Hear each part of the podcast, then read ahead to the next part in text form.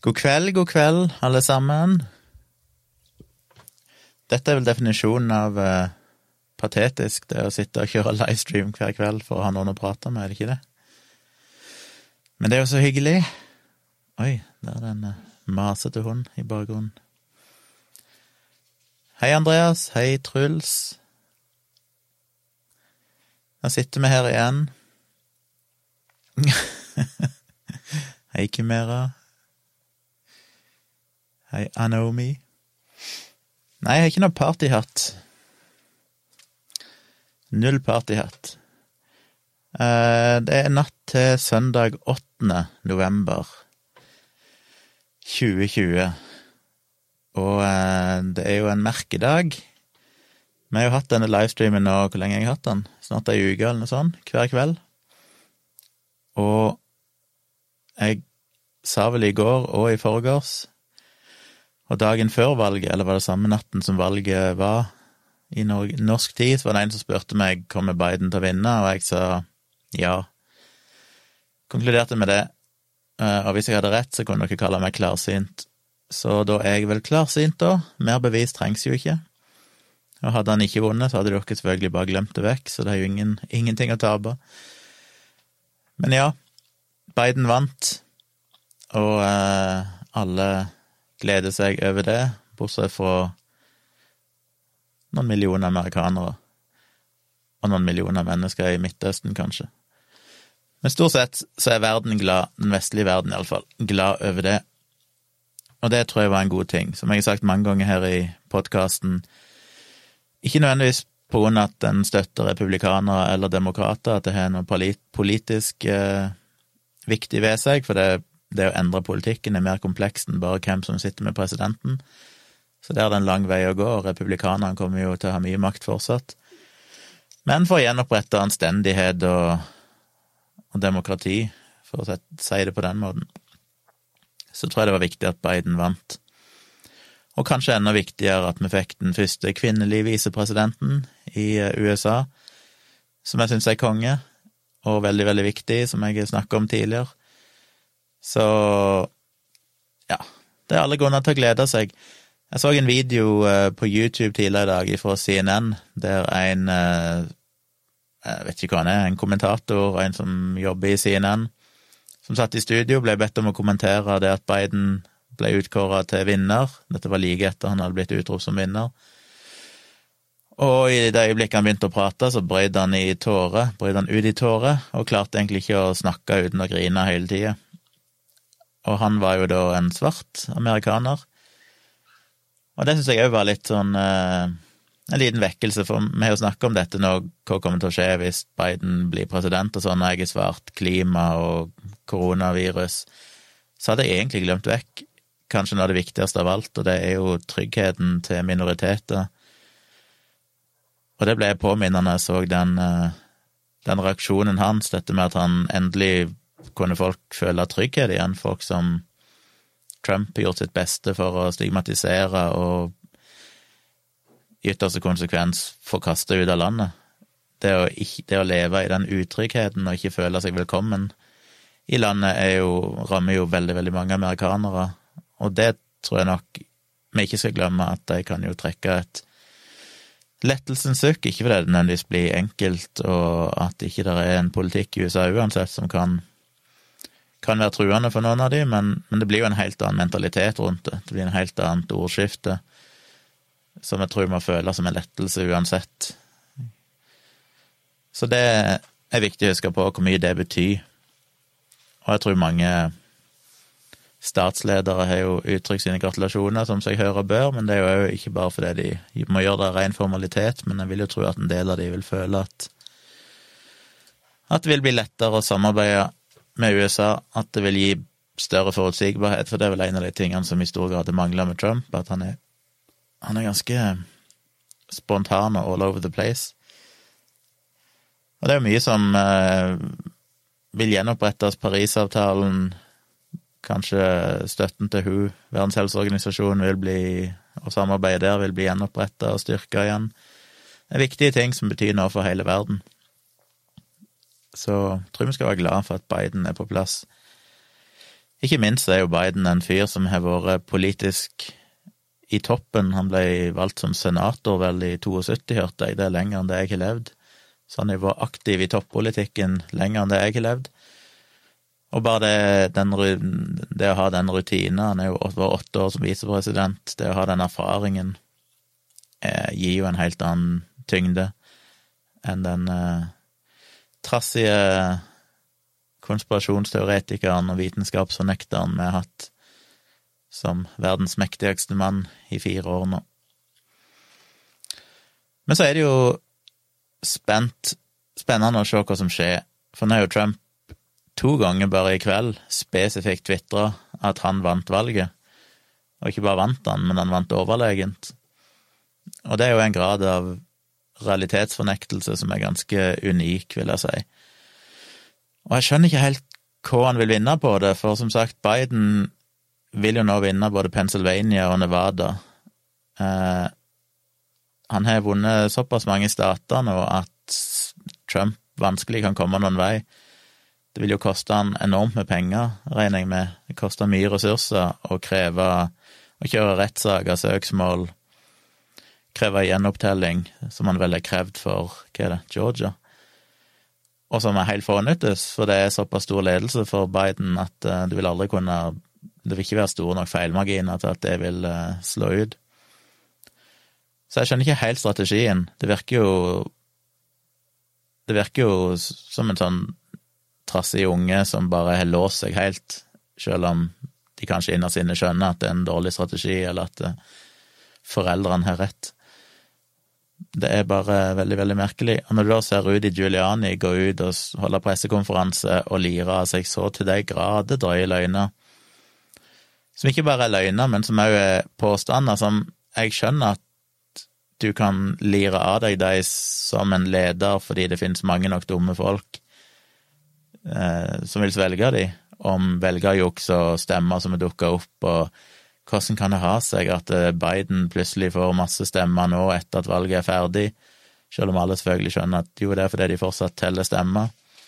Og Trump er jo den som aktivt oppfordrer republikanere til å ikke stemme via postsystemet, mens demokratene har gjort det, så det er ikke så veldig overraskende da at delvis som en konsekvens av Trumps egen strategi, så kommer det mange seine Biden-stemmer.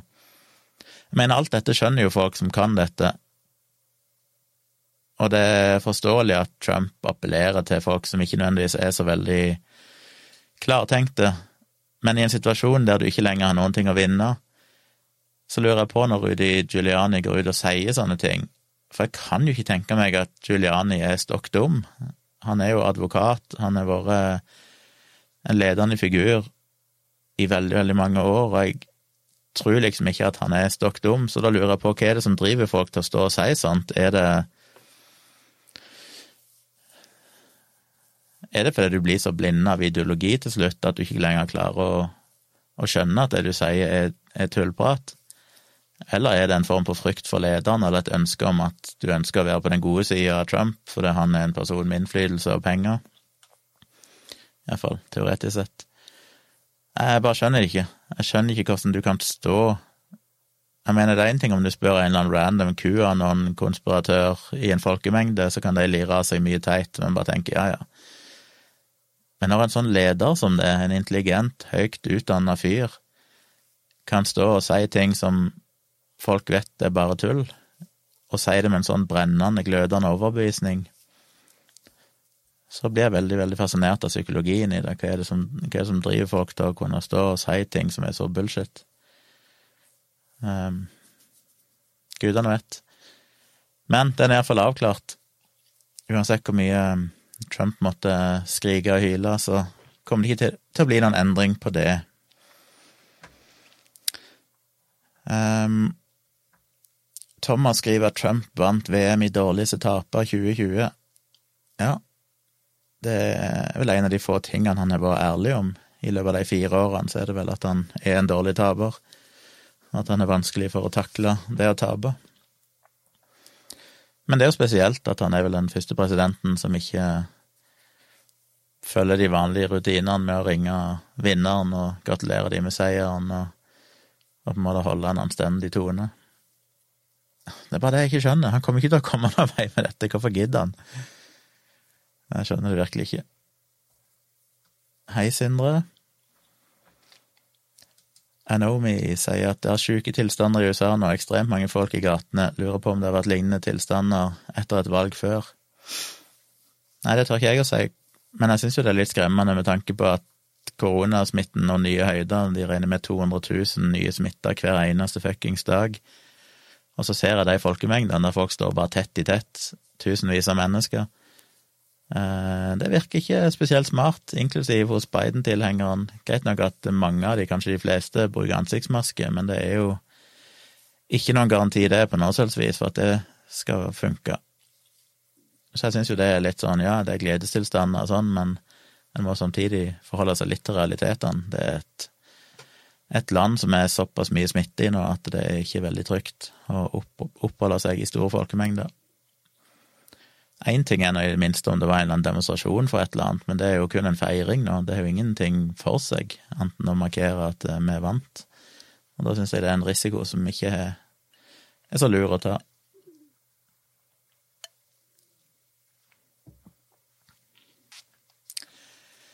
Starfleet Command 71 skriver det er jo umulig å komme med innspill når grensen er 200 tegn. Ja, Det får du ta opp med Google, det er ikke jeg som eh, setter de grensene. Jeg visste ikke at det var ei grense, men jeg har jo sett at folk skriver her og deler opp eh, spørsmålene sine over flere kommentarer, og da er vel det grunnen. Så du får gjøre det. Du får eh, nummerere innleggene dine, så jeg ser at eh, dette er en ufullstendig kommentar, og det kom en oppfølging.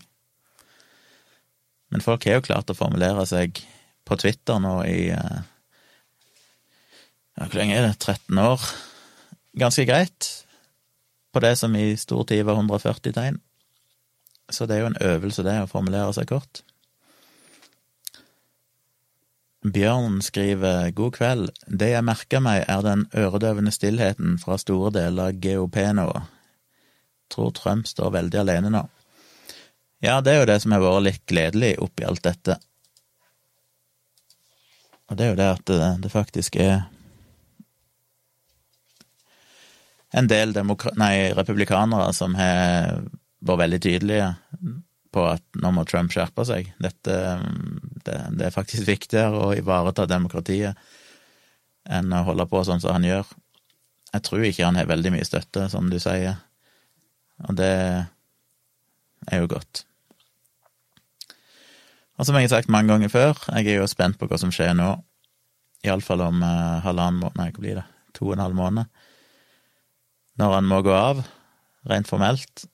Hva som kommer til å skje i kjølvannet nå, med tanke på ja, Først og fremst er jeg jo spent på hva som skjer de neste to og en halv månedene. Vil han i det hele tatt klare å samarbeide med en påtroppende president? Eller vil han bare stikke så mye kjepper i hjulene som han kan, og, mens han fortsatt kan ødelegge?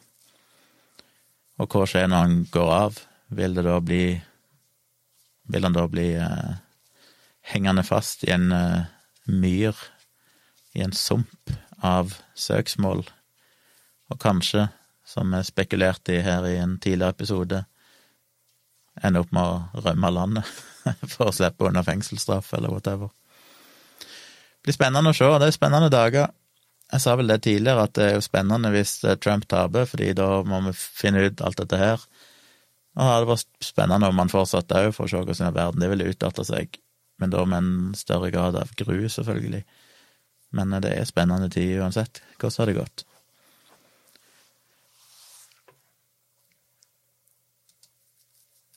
S-E-E-O-H-H, hva skal vi uttale det? CO skriver han tapte, men så vidt, og det etter fire år med løgner og rabiat utspill. Det sier mye om tilstanden i USA nå.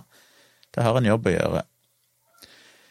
Ja, det er et, et viktig poeng at selv om han tapte, så er det jo deprimerende at ikke han tapte mer enn det han gjorde. Det er jo fascinerende. Men ehm, ja, det er nå sånn det er. Kristoffer spør hva tenker du om norske mediers håndtering av valget så langt? Jeg har ikke noen sterke meninger om det. Jeg har ikke fulgt så mange medier. Jeg har stort sett sett litt på NRK. Uh, fordi det er bare litt tilfeldigheter, så ble det det. Og ja, det er jo som det ofte er. Det er jo greit nok, men det er jo ikke veldig De går ikke veldig i dybden. Det blir som en jeg så beskrevet på Twitter eller noe sånt, det blir jo som eh, Hva er det han sammenligner det med? Det var litt som å dekke en Idol-finale eller et eller annet sånt. Det er litt på det nivået. Og der de går rundt og stiller mange spørsmål til random folk i gatene om hva de mener og hva de syns, og sånn som egentlig er, er greit tidsfull, sikkert, men det er jo ikke veldig informativt hva en random person måtte tenke og føle. Og så ble jeg overraska i dag når jeg så Anders Magnus, som jo er i USA, og han er vel hva er det han er, er han en av USA-korrespondentene deres fast? Men han kan jo knapt snakke engelsk.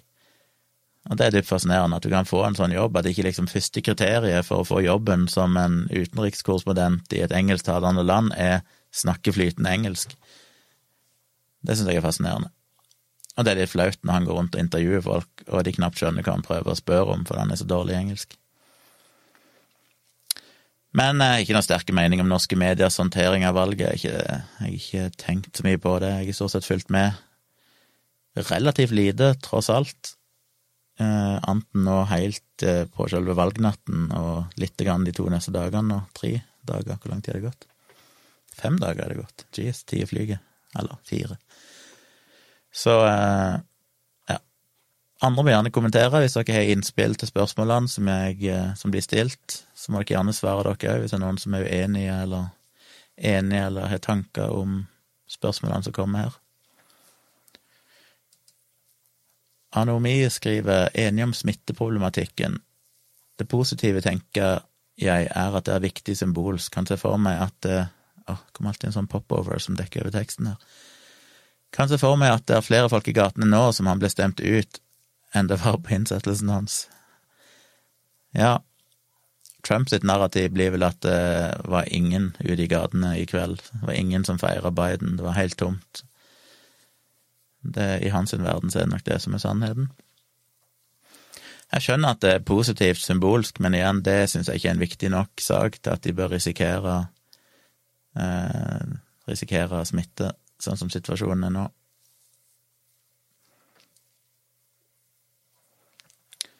Christian skriver det overrasker meg at så mange kommentator, kommentatorer, kommentatorer fortsatt lar seg sjokkere av oppførsel og uttalelser til Donald Trump. Alle vet at han ikke vil innrømme nederlag eller oppføre seg anstendig. Ja, jeg må jo si at noe av det fineste jeg har sett, er jo den uh, Var det CBS, eller hvem var det, som når Trump holdt en tale i går, var det det? Der han begynte å bare lire av seg løgner om valgjuks og alt mulig sånn, at de bare viste 30 sekunder, og så bare kutta de, og så satt han kommentatoren i fem minutter etterpå og bare ramsa opp påstandene Trump hadde kommet med i det siste, og, fortalt, oi, og fortalte at dette er en ren løgn, dette er ikke sant, det finnes ingen dokumentasjon for dette. Og det var helt nydelig å se. Og det har jo vært en stor debatt. Jeg leser en del, eller følger RSS-feeden til eh, Hva det heter når man sjekker Et nettsted som er verdt å følge for folk som liker å få god informasjon. Bare se om jeg eh, finner det i feeden min her, for jeg er så dårlig å huske navn. Gi meg et øyeblikk. De må vel ha publisert et eller annet i disse dager. Nei. Da får jeg se i lista mi.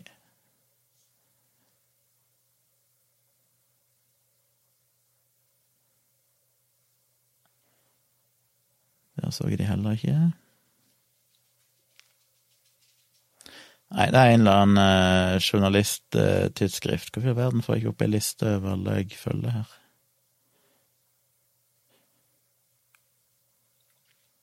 Hmm.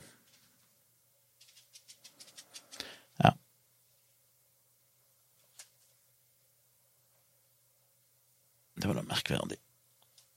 Men iallfall et eller annet sånn tidsskrift i USA som handler om eh, Som har en journalistisk tilnærming til ting og tang. Er det et Chicago Journal of Journalism, er det det heter? Som eh, har skrevet Hva var det jeg snakket om? La oss sjokkere. Ja, som jeg snakker om det, mye om dette her med dekningen, hvordan media har feila i, i, presidentperioden til Trump. Og det er jo mange andre enn det òg, som har sagt. Denne her ideen om at Nei, Kyla. Det er en hund her som raserer.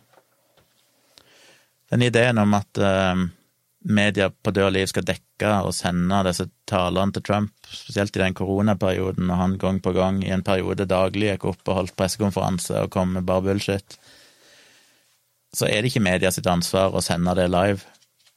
Så anbefalingen for mange er jo bare send det i opptak, om du skal sende det, sånn at du har muligheten til å på en måte faktasjekke det. Eller bare la være å sende det og si at vi er ikke interessert i å sende det, for hvis ikke han vil snakke sannhet, så har ikke vi noen forpliktelse til å vise det. Eh, så det er det jo folk som har argumentert med at ja, men det er viktig å vise, det er vel det Mark Zuckerberg blant annet har argumentert for, iallfall i starten, når de nekta å fjerne løgner fra Trump, eller merker de som løgner og sånn, det var jo at det er viktig for folk å se hva politikeren og lederen faktisk sier for noe. Og det er en sannhet i det òg, vi kan ikke på en måte redigere sannheten, for det er jo viktige personer, vi er nødt til å vite det, men det går an å gjøre det i en kontekst. Og det er det som har mangla når de bare driver live-overfører alt mulig piss han sier, og så får du ikke den konteksten du egentlig trenger. Og de blir jo bare Bidrar jo bare til å spre løgnene hans. Og det er litt eh, deprimerende, og derfor var det så godt å se nå, denne faktasjekken, at de bare sa 30 sekunder er nok, vi ønsker ikke å vise mer, for det han sier nå er bare løgn, og her er hvorfor, og så bare bom, bom, bom, så Og det var gledelig å se, jeg ble nesten rørt av å se hvor fantastisk nydelig det var, og så er det bare utrolig deprimerende at hvorfor har vi ikke sett dette kontinuerlig de fire siste årene? Eller alltid, om det så gjaldt Obama eller hvem andre, selv om de på langt nær løy så mye eh, at det var nødvendig. Men det er deprimerende at media i så stor grad inntar denne rollen om at vår jobb er å formidle det folk sier. I mye mindre skala, så har jeg kritisert det mange ganger i norske medier òg. Skrev mye om det i bloggen min, når de videreformidler påstander om klarsynte og alt mulig bullshit. Og så har jeg ofte, hvis jeg har kritisert en journalist Jeg hadde jo en, en spalte, holdt jeg på å si, en serie med bloggposter som jeg kalte PPS, eh, pressens eh, hva er det kalte det? Pressens eh, Et eller annet skammekrok. Jeg husker ikke hva forkortelsen sto for lenger. Men eh, der tok jeg for meg ting som sto i avisa, og på en måte faktasjekka det. Og da var det jo noen journalister som ble såra av vonbrotene, for det trakk fram navnet deres og sa liksom du fortjener en, en bloggdask, som jeg kalte det en smekk på fingrene for å ha gjort et dårlig journalistisk arbeid. Og gang på gang så var jo da forsvaret at ja, men vår jobb er jo å videreformidle det folk sier, til leseren, sånn at leseren får den, får høre hva folk mener om ting. Mens mitt argument var det kan dere ikke gjøre uten kontekst. Dere er journalister, dere skal formidle sannhet. Og hvis noen formidler ting som helt åpenbart er tull, som at de snakker telepatisk med dyr, så er det faktisk viktig å sette det i en riktig kontekst, og ikke sitere det som om det er sannhet sannheter som kommer, og alt dette her. Og det er jo det jeg savna i dekningen av Trump og sånn òg. Det har vært eh, Selv om Trump da selvfølgelig mener at media har motarbeidet han, så viser jo analyser som vi gikk gjennom i Dialogisk for noen episoder siden, ja, det er ganske lenge siden, noen måneder siden, men da så jeg jo på noen forskning på det som fant at Trump hadde jo fått ekstremt mye mer dekning enn det Clinton fikk eh, rundt forrige valg, eller i opptakten til forrige valg. Eh, og mye mindre kritisk dekning. Eh, denne e-postskandalen til Hillary Clinton fikk jo mye, mye mer negativ dekning enn noen ting av det Trump gjorde, uansett hva han hadde funnet på. Så om noe så hjalp jo media han til å vinne valget. De motarbeider han ikke. Så ja, jeg savner mer faktasjekking, jeg savner mer eh, kritisk journalistikk.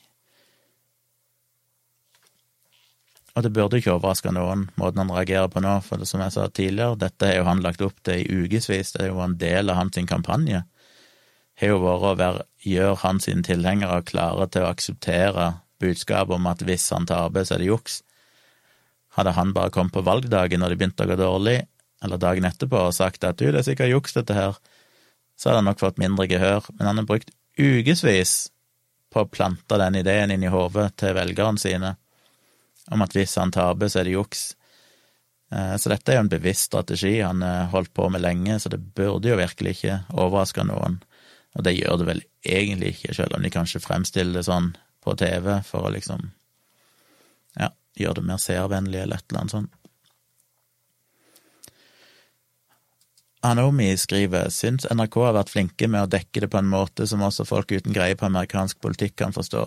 Tenker det er deres samfunnsoppdrag. Jeg fulgte mest med på CNN, litt Fox. Ja, jeg syns jo at jeg har liksom ikke noe å kritisere NRK for, enten at eh, Og når jeg sier de kanskje ikke er godt nok i dybden, så kan jo det bare være at jeg ikke har fått, fått det med meg. Jeg har som sagt ikke fulgt, fulgt med på alt de har sendt. Så jeg har ikke noen store problemer med, med dekningen.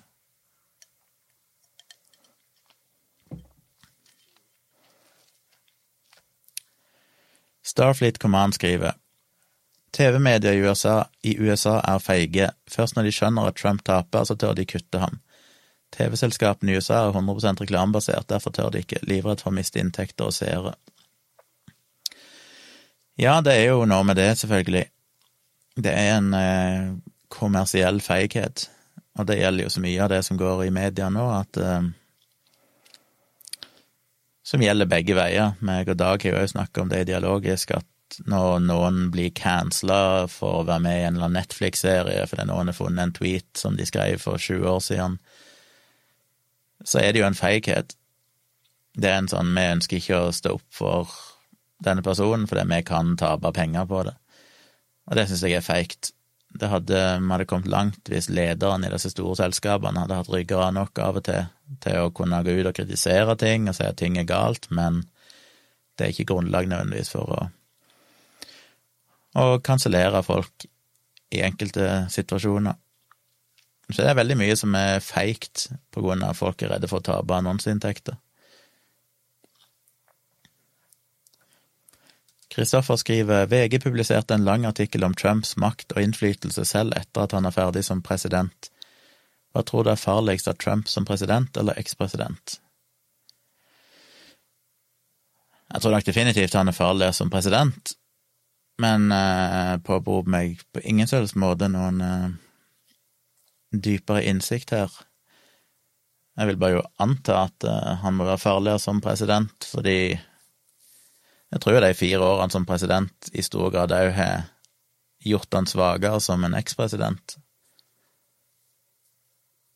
Som en ser til og med republikanere som tidligere støtta han, er jo i stor grad nå ikke veldig ivrig på å støtte han. Jeg tror nok han har mista mye støtte. Vil det gjøre han farligere i form av at han blir mer rabiat? Kanskje, men jeg tror bare ikke at han sitter med en så stor innflytelse og makt. Har han det? Men jeg har ikke lest den VG-artikkelen, så kanskje han har mer innflytelse og makt enn det jeg tror.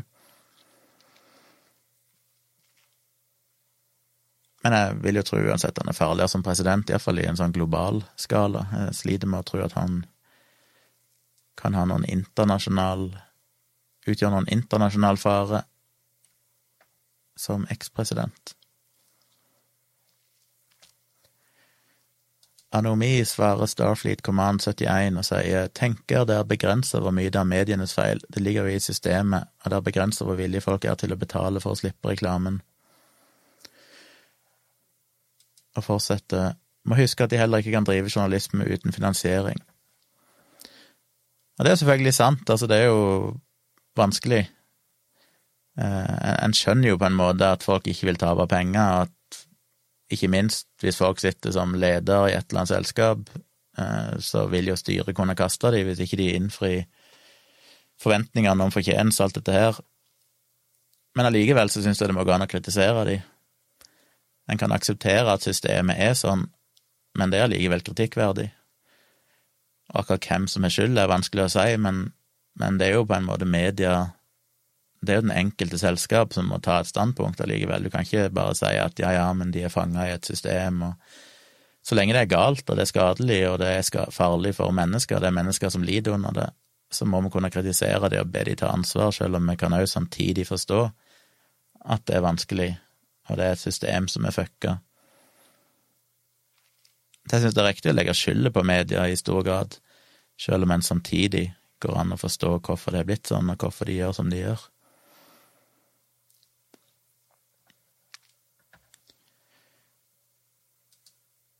Starfleet Command 71 skriver noen i USA driver uavhengig journalisme, betalt av lesere, de når dessverre ikke ut til massene.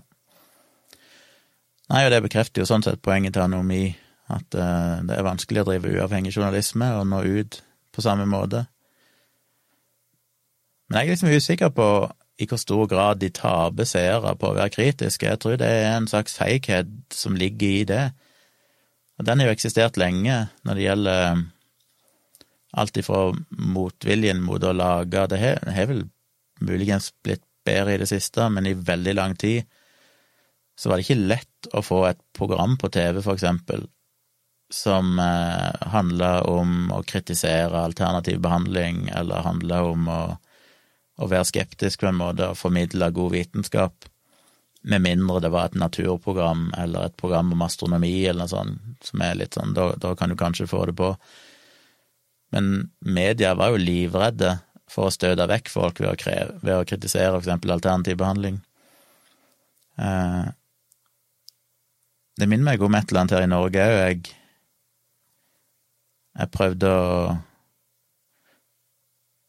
Ja, det var vel da jeg ga ut placebo-defekten, så var det et eller annet med Var det forlaget som prøvde å få medieomtale, eller noe sånt? Det var et eller annet som skjedde da, da de mer eller mindre fikk til svar direkte ifra media at hadde det vært ei bok som promoterte akupunktur, så hadde de vært villige til det. Men siden det var ei bok som basically sa at akupunktur og homopati og kiropraktikk og sånn ikke virker, så hadde de ikke noe særlig interesse av å gi den dekning. Og det er jo bare deprimerende. Det er jo sånn at du bare får lyst til å gi opp. Hva er vitsen med å gjøre noen ting som helst, da? Når til og med i Norge så er det såpass kommersialisert at uh, de er ikke villige til å si det som er sant, fordi de er redd for å støte vekk lesere som er litt mer naive og godtroende. Og da kan en si at ja, men det er klart jeg må jo tenke på å få lesere, de skal jo overleve, men det går ikke an å si det. En er jo nødt til å slå et slag for sannhet og vitenskap, og si at det er reindyrka feighet. Og det jeg begynte å si, var vel at jeg tror det var en feighet lenge mot å sette sånne programmer på TV, men de gangene de har gjort det, alltid for Penn and Tellers bullshit, som en kan si mye kritisk om, selvfølgelig, men det var iallfall et program som som var, var liksom kritisk og prøvde å forholde seg til vitenskap. Eh, Tilsynelatende, iallfall. Eh, og ting som Mythbusters, som òg teknisk sett er et skeptikerprogram, har jo hatt enorm suksess. Så det var jo eksempler på at det hadde en enorm appell, og seere faktisk ønsker å ha det. I Norge er vi jo det samme med Folkeopplysningen, som har hatt fantastiske seertall hver sesong det har gått, så det er helt åpenbart at folk vil ha det. Og allikevel så er det så mye mer programmer som Åndenes makt og alt dette her pisset, for det, er det virker. Jeg tror liksom fortsatt at media har en idé om at det er lettere å selge det.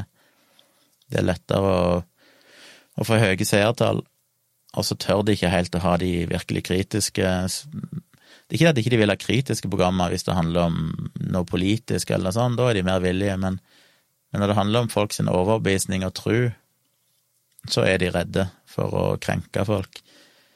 Selv om jeg syns det viser gang på gang at når sånne programmer blir laga, og blir laga godt, så er det definitivt eh, et publikum for det. Så jeg har aldri helt skjønt hvorfor de er så redde for det. Jeg tror det henger litt igjen fra gamle dager, at de trenger en viss treghet i systemet der til å få folk til å forstå at, eller til å få lederen der til å forstå at jo, det er faktisk et marked for for programmer som legger til grunn at folk faktisk ikke er ekstremt dumme.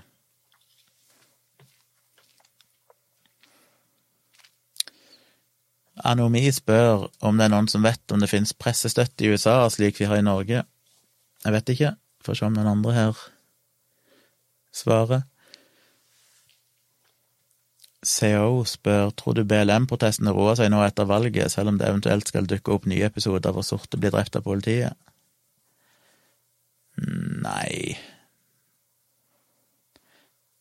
Jeg vil ikke tro at protestene i utgangspunktet vil dempe seg, men jeg vil vel kanskje håpe at uh, politiet oppfører seg annerledes.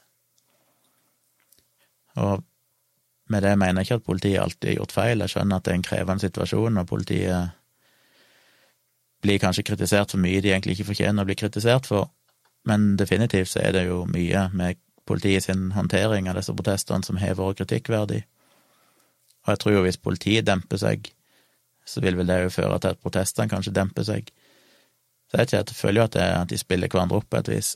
Så Men jeg vil jo tro at folk vil Jeg vet ikke. Jeg innbiller meg jo at de protestene vil fortsette å være store og viktige, uavhengig av hvem som sitter som president. Men at håndteringen av de kanskje blir annerledes. Så det er klart at måten Trump gikk ut og mer eller mindre erklærer det som Som eh, erklærer Black Lives Matter sånn som fiender, og Antifa som fiender. Og igjen, ikke fordi jeg mener at de er uskyldige i alle sammenhenger, eller oppfører seg eksemplarisk på noe vis, men når presidenten går ut og egentlig setter blink på dem og kaller dem for en trussel eh, mot samfunnet, så er det klart at det, det hauser jo opp at protestene blir mer alvorlige, mer eh, Folk engasjerer seg jo mer når de blir eh, hengt ut på den måten. Så sånn sett kan det jo være at protestene roer seg litt, når du ikke er en president som eh, aktivt motarbeider de. Jeg får se, jeg vet ikke. Jone skriver i hvilken retning tror du det republikanske partiet vil gå etter Trump, vil trumpismen leve videre?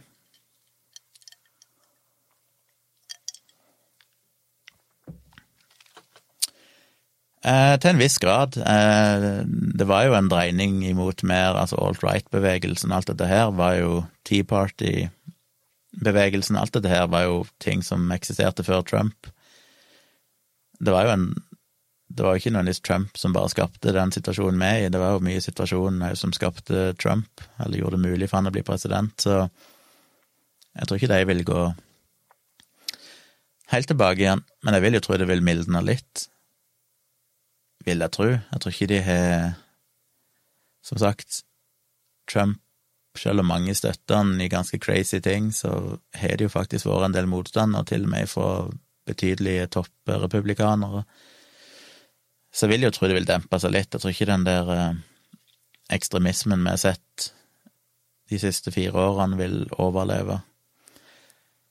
Og så kan en selvfølgelig diskutere om Han vil iallfall ikke være så synlig men uh, som han uh, slektningen til Thomas Seltzer sa i siste episode av UXA, så er det jo dette her med at, og som mange andre har sagt før han, den rasismen som kanskje alltid eksistert i samfunnet, ble jo mer synlig med Trump, for det plutselig var det legitimt å si det høyt.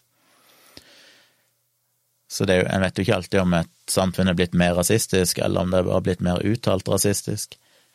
Og det vil kanskje være litt det samme med republikanske partiet òg, at uh, de holdningene vil kanskje være der i samme grad. Men en vil kanskje ikke kunne snakke så høyt om det lenger, for det er ikke samme aksepten for det. Du er ikke en leder som baner vei. Men mye er jo allerede gjort. En har jo på en måte åpna noen sluser som, som var lukka tidligere, så spørsmålet er om en klarer å lukke det igjen. Og hva som er det beste, det vet jeg ikke.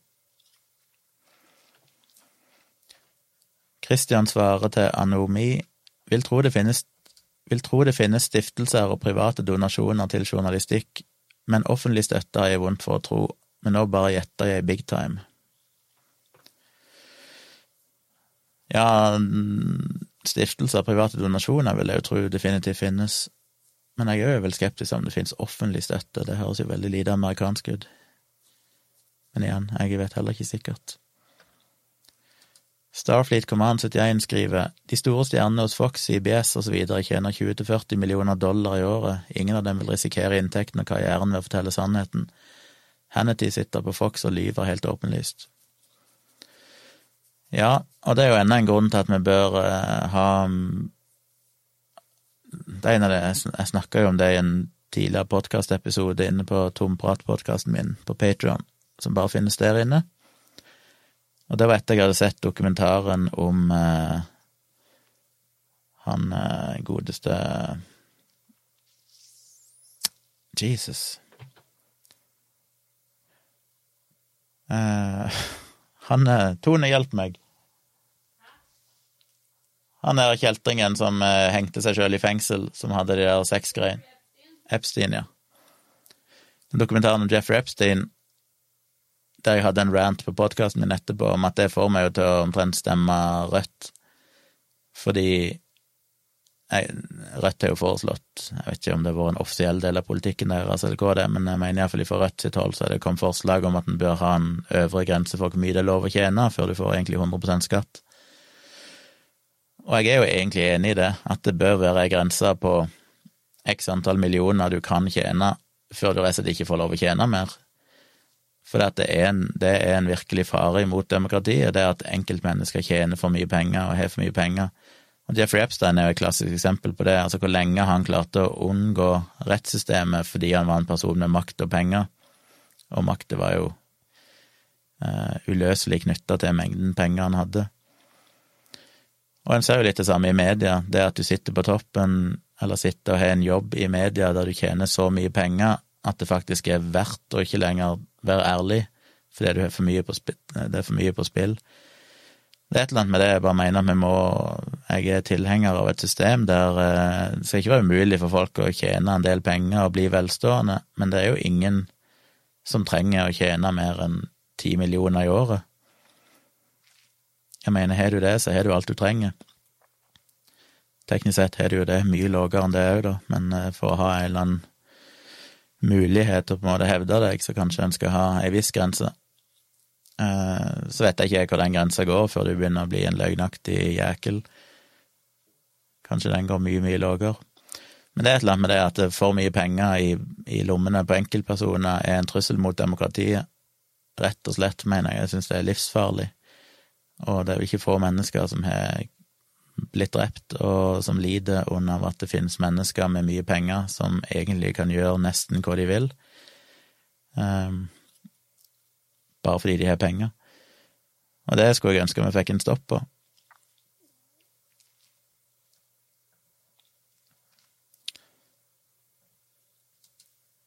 Christian skriver folk som tror på spøkelser i fryseboksen, lar seg kanskje lettere påvirke av reklame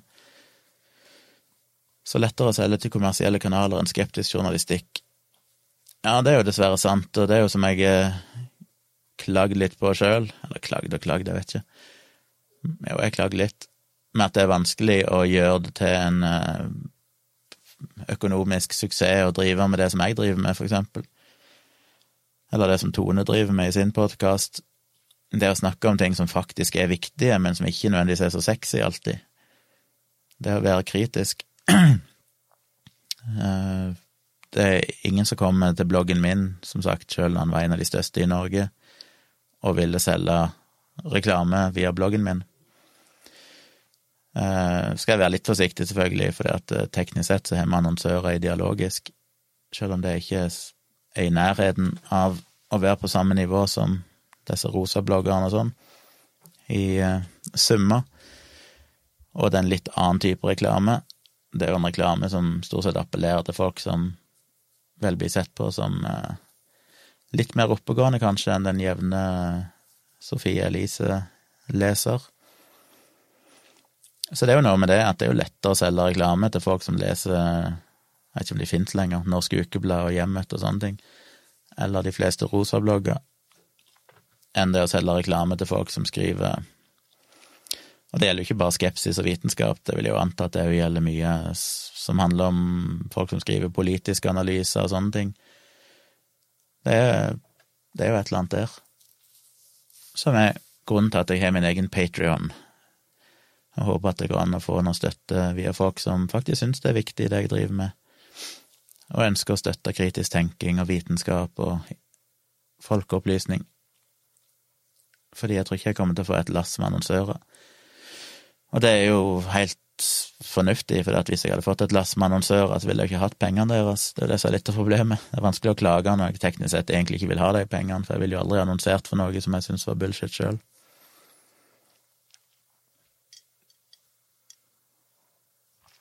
Jeg var jo en vrien kandidat for Nettavisen, stakkar.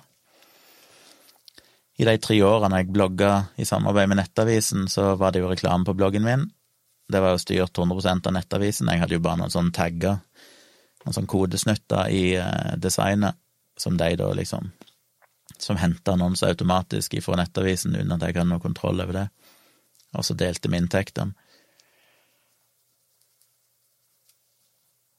Og jeg ble jo ikke så veldig populær da jeg fikk en reklame opp i bloggen min i en sånn hesteskoannonse som dekka toppen og sidene av bloggen min, som reklamerte for en sånn tablett eller kapsel du kunne ta, som eh, skulle hjelpe deg å gå ned i vekt, fordi den inneholdt chili, eller komponenter av chili, som jo brenner. Det er varmt. Alle assosierer jo chili med noe som brenner. Og da betyr det sikkert at det brenner kalorier, at det forbrenner kalorier. Så disse kapslene skulle da hjelpe deg å forbrenne kalorier, sånn at du gikk ned i vekt. Og så valgte jeg å skrive en bloggpost der jeg gikk inn i forskningen og viste at dette er bare bullshit, og som illustrasjonsbilde i bloggposten min så brukte jeg en screenshot av min egen blogg med den reklamen rundt. Som jo førte til at Nettavisen tapte en reklameavtale som jeg tror de kosta de en million eller sånn. Men uh, sånn er det. Og Nettavisen var jo reale i den sammenhengen. De sier jo at det støtta meg jo 100% på at jeg hadde lov å skrive det, og de ville ha et tydelig skille mellom sin salgsavdeling og sin redaksjonelle avdeling, i det tilfellet iallfall. Så de syntes det var fair nok, det. det var, de jo De hadde jo ryggrad nok til å si at ok, da mista vi den millionen og det er det verdt, fordi at det var viktig at jeg fikk lov å skrive det jeg ville.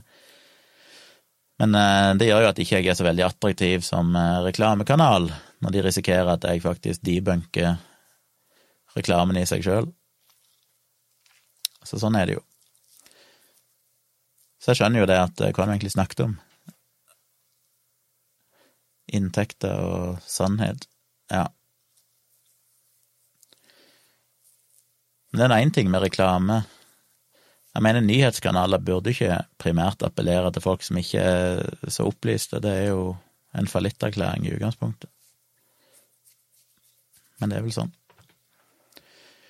Olav spør blir dere andre litt lei den daglige nyhetsstrømmen.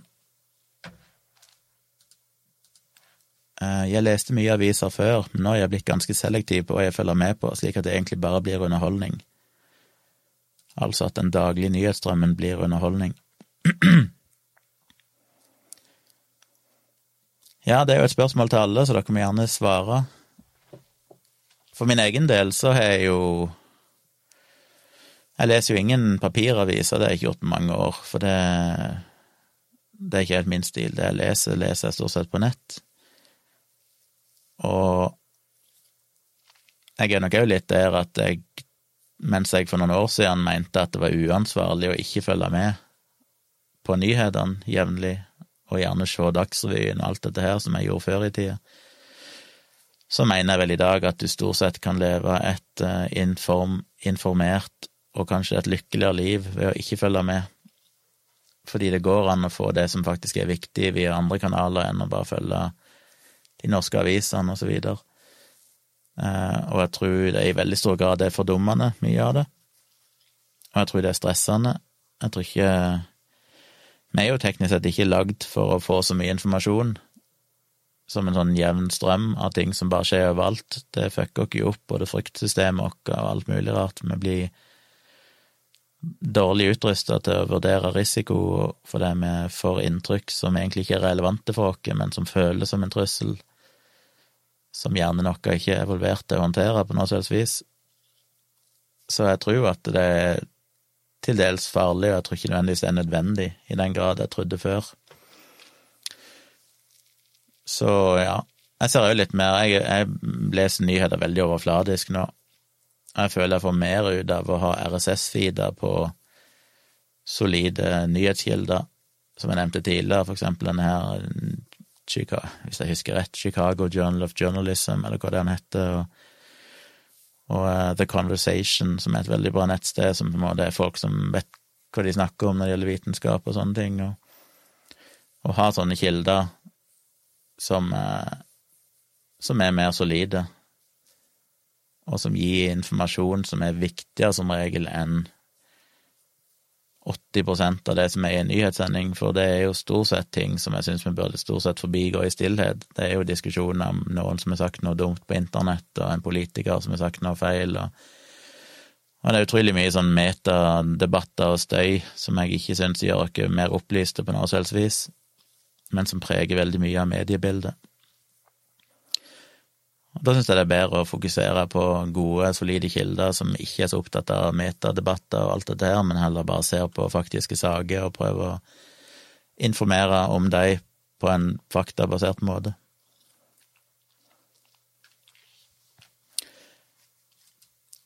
Anomi skriver følger som regel litt med på NRK, mest for å være litt oppdatert på hva som skjer i verden, men har begynt å spørre meg litt mer om jeg virkelig trenger å bruke tid på å lese selve saken. Hva bruker du for RSS-feedene? Har brukt Thunderbird, men føler RSS fort blir uoversiktlig. Ja, jeg har brukt uh, mye forskjellig i uh, mange år. Jeg begynte jo å følge RSS-feeder på slutten av 90-tallet, eller iallfall rundt årtusenskiftet. Det lengste jeg kan huske tilbake inn i tid. Da brukte jeg en eller annen, da brukte jeg Windows i den tida, så hadde jeg en eller annen Windows-klient som var veldig populær, og som jeg ikke husker navnet på nå som var liksom hardcore, sånn Usenet-klient.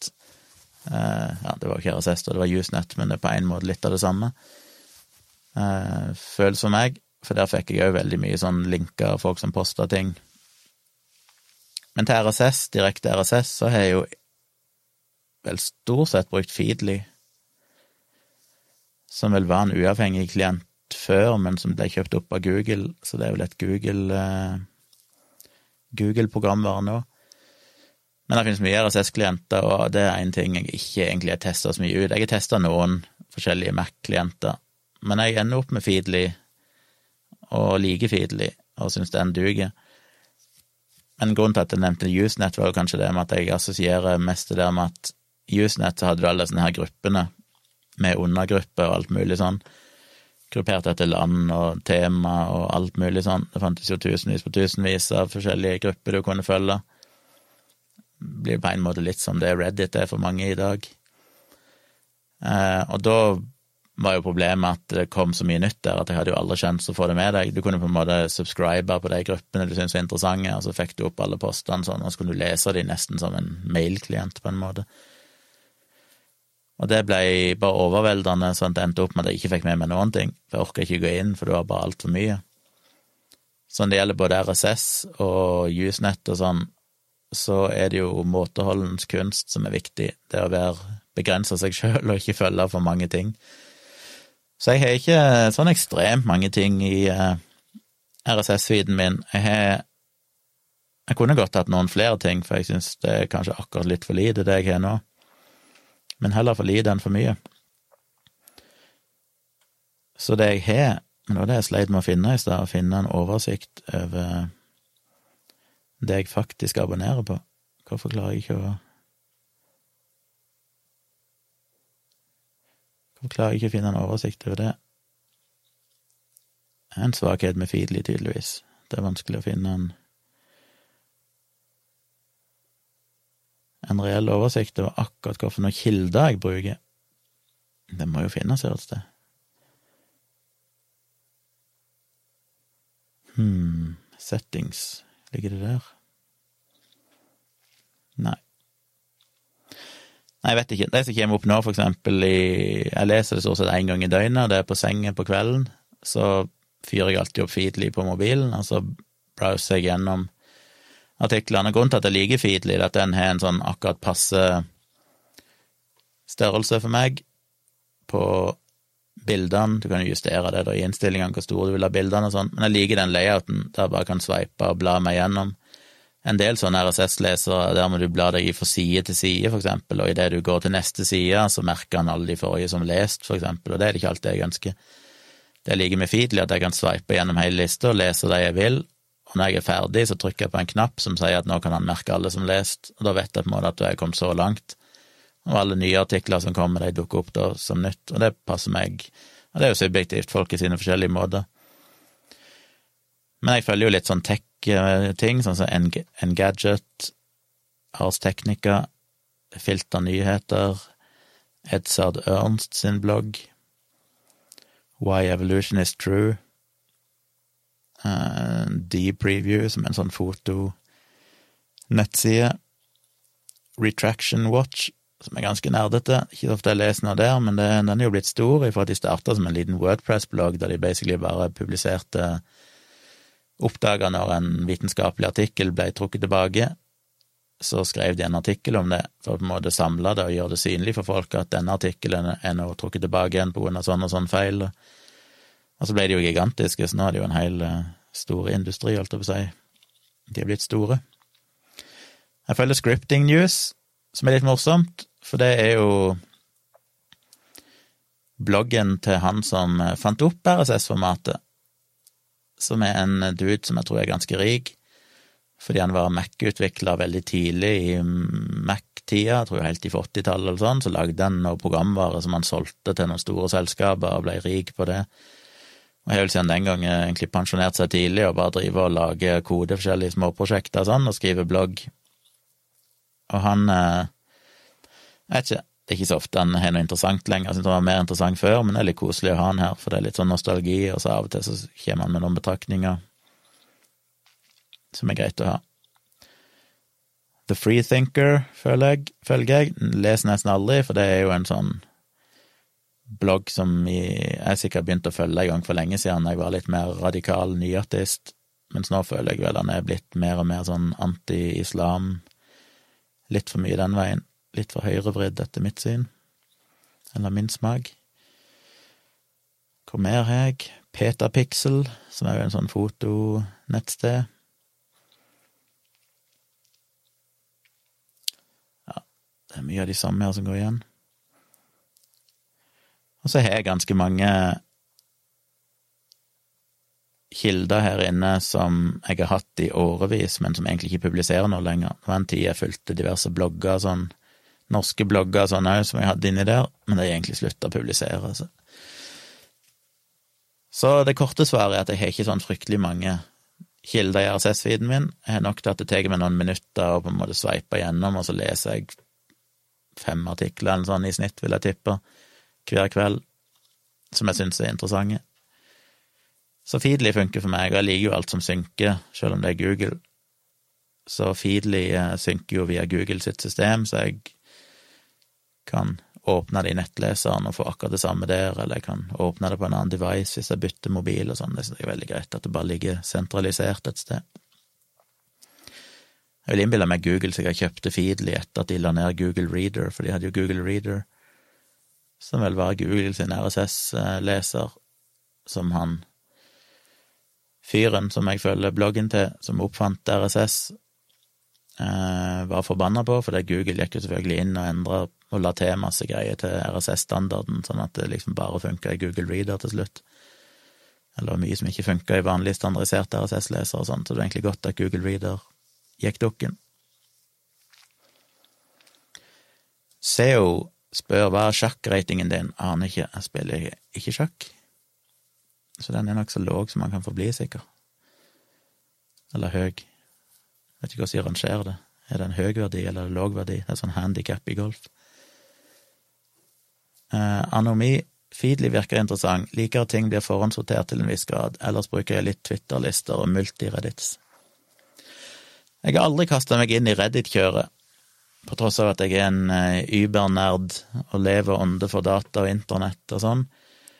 Og det er nok rett og slett litt fordi jeg er gammel nok til at jeg er skadeskutt av Usenett. Jeg vet hvordan det var med Usenett, det tok altfor mye tid. Det ble for omfattende. Jeg klarte ikke å få med meg noen ting, for det, ja, det ble for mye informasjon. Og det lille jeg har brukt Reddit, jeg tror jeg har en konto der som har registrert det en gang, men det er bitte, bitte, bitte lille jeg har brukt Reddit, og det er usedvanlig lite. Uh, jeg vil egentlig bekrefte det at når jeg går inn der, så tenker jeg oi, her er det jo så mye interessant. Det er så mange sånne subreddits, er ikke det dette, som jeg kunne ha fulgt. Men jeg vet jo hvordan det blir. Det, blir jo, det vil jo bare spise opp altfor mye tid. Så jeg har rett og slett bare aktivt styrt unna Reddit, for at jeg vet at det er ikke sunt for meg hvis jeg begynner å henge meg opp i det. Andrea skriver personlig følger jeg nyheter gjennom podkaster fra Aftenposten, VG og NRK. Ja, og jeg tror jo egentlig det er en bedre måte å få nyheter på enn å lese nettaviser. Jeg følger ingen av de der nyhetspodkastene sjøl, men eh, jeg har jo et inntrykk av at de er populære og ofte veldig gode, og jeg tror nok det er Det kan være en bedre og informativ måte å få informasjon på enn å lese forsidene på nettaviser for å se hva som er skjedd. Det er liksom enda litt mer eh, filtrert, vil jeg tro. Anomi, forresten, ser du på streamene dine mer som jobb eller mest hobby? Får inntrykk av at det er litt hobby når det blir såpass sent og hver kveld. Ja, rent praktisk er det jo hobby i den forstand at uh, jeg har jo en full dayjob som er min jobb, men jeg har jo et enkeltpersonforetak som det jeg skulle få av inntekter ifra dialogisk reklame eller foredrag eller boksalg uh, og sånn, det går jo inn der. Og som jeg har sagt mange ganger, grunnen til at jeg har Patrion, er jo fordi jeg ønsker å bygge opp et økonomisk fundament som gjør det mulig for meg å kunne bruke mer tid på dette. Og jeg snakka vel litt om det i går, eller noe sånt, at jeg gjorde jo veldig mye inne i Patrion. Det er jo veldig mange som er Patrion som Ja, noen leverer nesten ikke noe ekstra innhold, noen legger ut noe i ny og ne. Mens jeg har jo vært litt mer aktiv der, jeg har jo hatt daglig podkast og lagt ut foredrag og litt av hvert sånn. Problemet er at det blir jo bare inne i Patron, og jeg har jo kjørt noen sånne reklame, holdt på å si, i ny og ne. Jeg har lagd et bilde og delt på Facebook og Twitter der det står liksom 'bli Patron', så får du sånn og sånn. Men det har nesten ingen effekt. Og ettersom jeg ønsker å få flere patrons, selvfølgelig, så valgte jeg å gjøre disse livestreamene, fordi jeg ser det er lurt å gjøre ting mer public, sånn at folk kan se på det gratis hvis de vil, men da hvis de syns det er verdt å se på og ønsker å støtte det jeg driver med, og kanskje få litt mer innblikk i hva jeg driver med, så kan de støtte meg ved å bli patrons. Og det tror jeg har virka til en grad. Jeg har fått en håndfull nye patrons. Det er ikke sånn at det raser inn, men det var ganske dødt. Eh, jeg fikk ganske mange med en gang når jeg starta opp i vår, og så roa det seg veldig. Det virka som det var en slags fanbase som på en måte ønska å støtte meg, som hadde fulgt meg lenge. Men så er det litt vanskelig å rekruttere nye. Så det gjør litt mer Jeg, jo, jeg kunne lagd videoer og sånne ting, men det tar veldig mye tid, og det er derfor jeg trenger et fundament først, før jeg kan virkelig investere nok tid til å lage videoer ofte, for eksempel ukentlig. Men å kjøre livestreamen her tar meg bare en brøkdel av den tida det tar å, å, lage en fullverdig video, for eksempel. Så for meg så er dette en, en todelt ting. Jeg gjør det delvis fordi jeg syns det er dritgøy, jeg hadde egentlig ikke tenkt å gjøre dette, jeg hadde tenkt å gjøre en og annen gang, kanskje ha en livestream, men så ble jeg så hekta på det, for jeg syntes det var gøy, det var så kult å sitte og snakke med dere og, og få spørsmål, som er en ting jeg har spurt om mange ganger i podkasten min inne på Patron, for det er litt krevende å ha en sånn daglig podkast og bare snakke om ting. Og da har jeg spurt mange, mange ganger, nesten i hver episode, så sier jeg send meg spørsmål, eh, kom med innspill til ting dere vil jeg skal snakke om. Og det er kommet noen veldig få, veldig, veldig sjeldent. Sikkert mindre enn én i uka, kanskje et par i måneden, spørsmål. Som tydeligvis var vanskelig for folk å engasjere seg nok. Og det er nok litt fordi at podkast er noe du ofte hører off, holdt å si offline, det er når du ikke hører når du nødvendigvis sitter foran datamaskin, og da er det kanskje vanskelig å huske på å engasjere seg når du kommer hjem eller sitter foran datamaskin seinere. Så det å gjøre ting live når dere faktisk sitter her, så er det jo tydeligvis ekstremt mye mer engasjement for å stille meg spørsmål og sånn.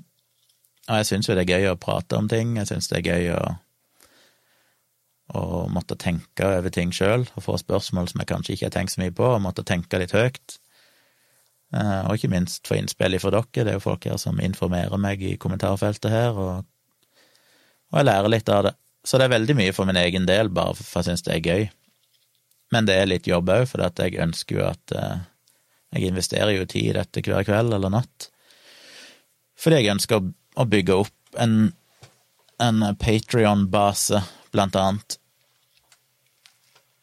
som gjør at jeg kan eh, i større grad gjøre det til en jobb i framtida.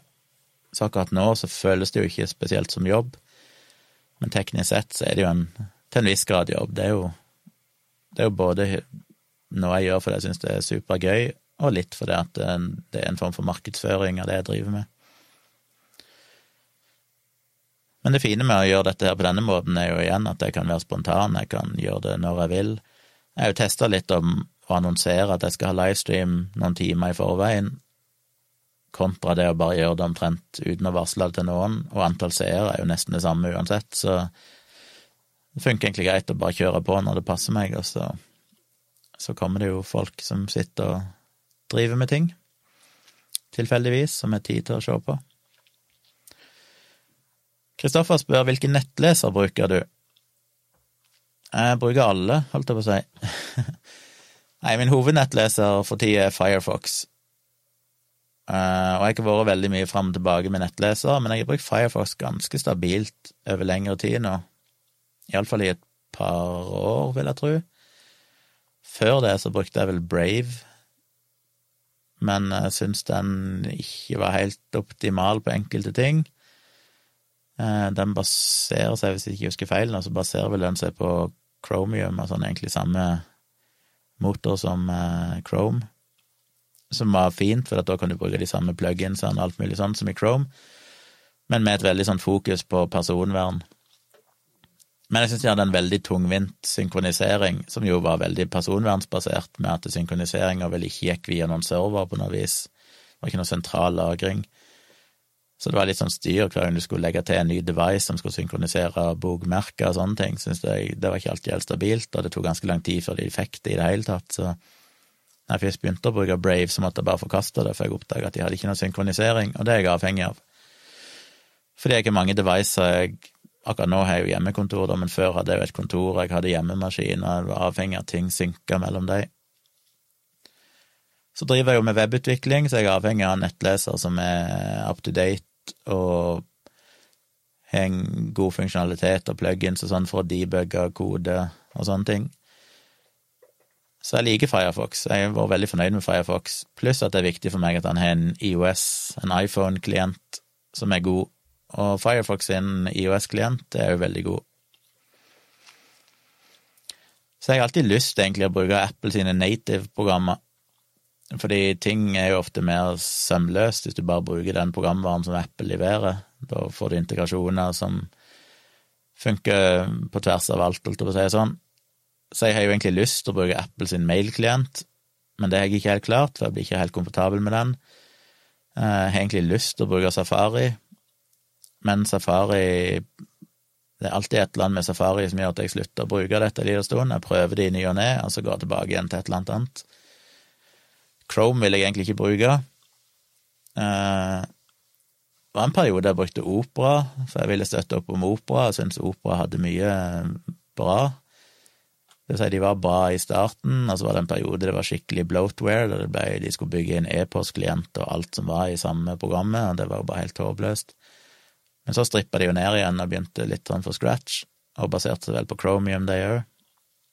Og jeg syns også at Opera er bra, men uh, det var enkelte ting de ikke støtta, noen standarder sånn innenfor CSS og når du designer nettsider sånn, som gjorde det litt tungvint. Så brukte jeg Vivaldi en periode, som vel er han eh, Hva heter Tetzschner, eller hva heter han en av de opprinnelige gründerne av opera, hvis ikke jeg blander navnene,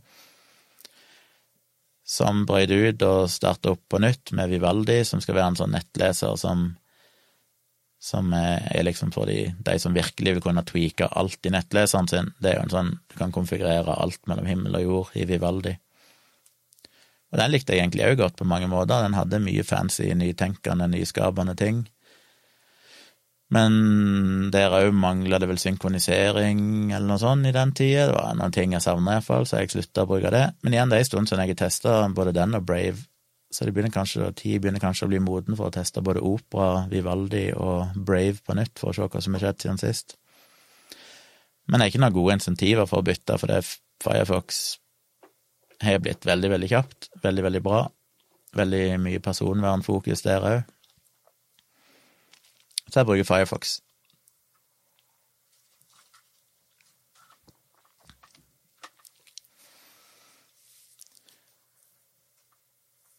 Uh, hvor var vi hen?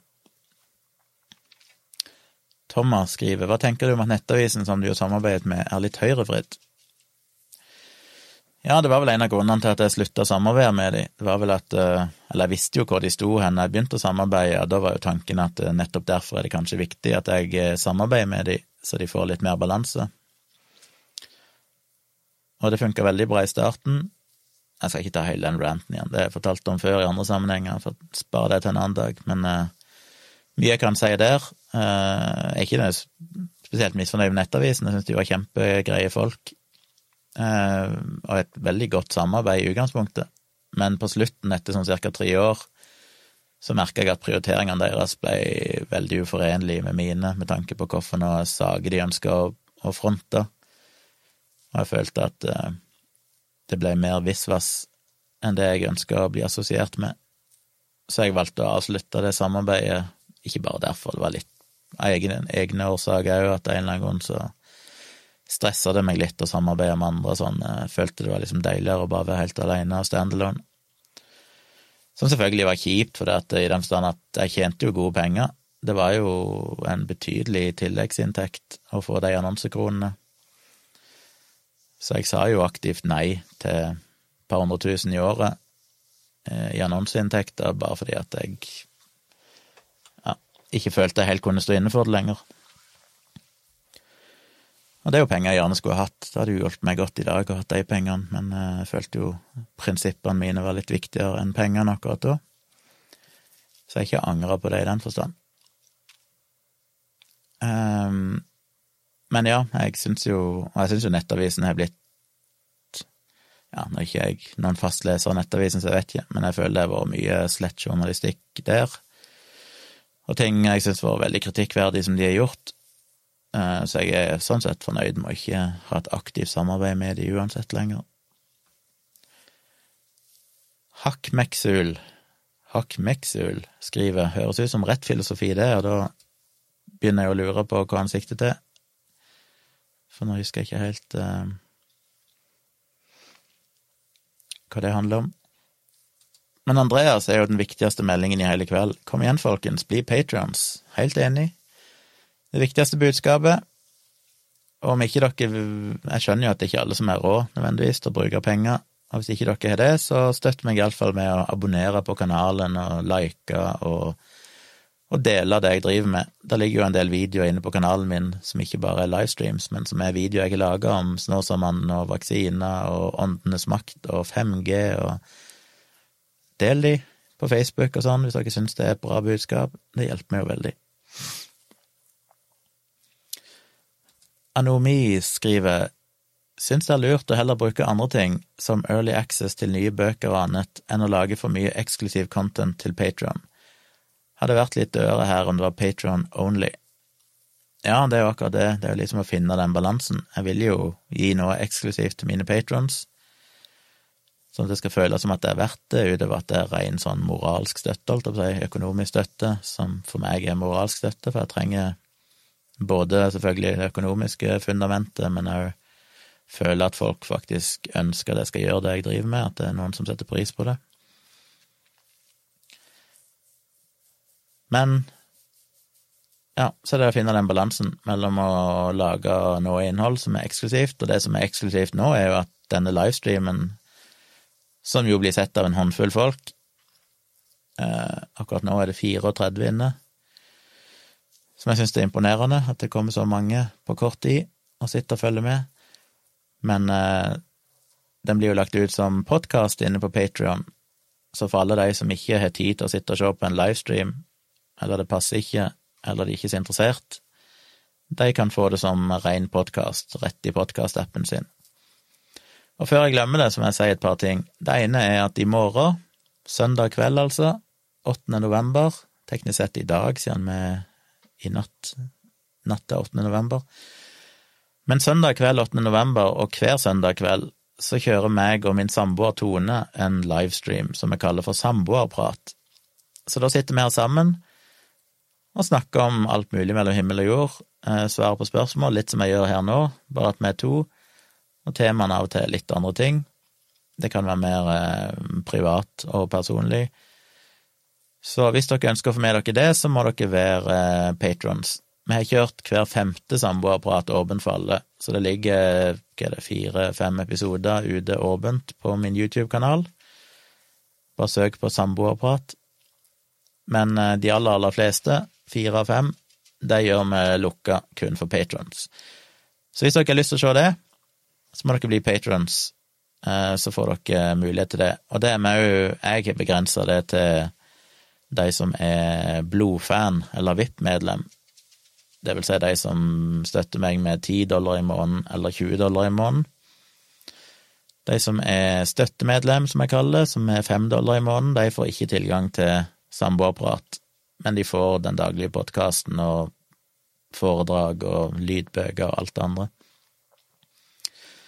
Og jeg har noen ideer om andre ting jeg skal begynne å tilby, så det, det kommer nok et eller annet mer òg etter hvert.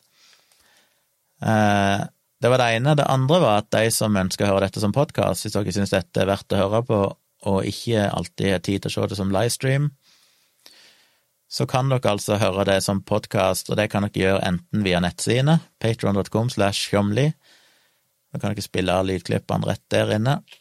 Dere kan sjekke det ut i, i Patrion-appen, så dere går inn i AppStore eller Google Play eller hva det heter, og søker opp Patrion, så finner dere en egen app der du finner meg og alle andre du eventuelt måtte støtte på Patron rundt om i verden. Du får opp eh, feeden med alt vi poster der og sånn, og da kan du høre podkastepisodene rett i appen. Men ikke minst så kan du høre det i en helt vanlig podkastapp, så enten du bruker Pocketcast eller Acast eller eh, hva de heter alle de her, Overcast eller eh, hva han kalte det, Dogcatcher, så kan du få dette som ren podkast. Og det gjør du ved å gå inn på profilen din på Patron, tror jeg. Jeg tror du er inne på profilen din når du støtter meg på Patron, så går du inn der, og så et eller annet sted så ligger det en sånn RSS-URL, altså en URL til en RSS-feed som du bare kopierer, og i de fleste podkast-apper så kan du enten trykke add new podcast, eller du kan bare lime det inn i søkefeltet. Så vil du da kunne abonnere på den. Så det trenger du bare gjøre én gang, og da vil du få alle fremtidige episoder og tidligere episoder inn som en helt vanlig podkast. Så alt jeg legger ut på patronen min som er lydfile, vil dukke opp som podkast. Og det må jeg minne folk på i ny og ne, for det er ikke noe alle nødvendigvis vet. Eh, så det er kanskje noen som hører podkasten og hører det bare i Patron-appen og sånn, og så glemmer de vekk at eh, det faktisk er mulig å sjekke det ut og få det rett i podkastappen, så du er helt uavhengig av å følge med hva jeg driver med på Patron, du får det bare i podkastappen din.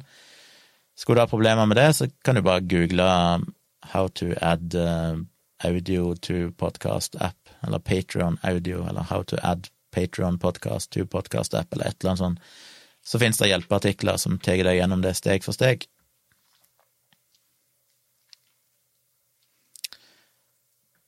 Um, Anomi skriver 'Sendte deg melding på Patron, forresten, ikke noe veldig viktig'. Ja, jeg har sett og lest den, bare ikke rukket å svare. Takk for det.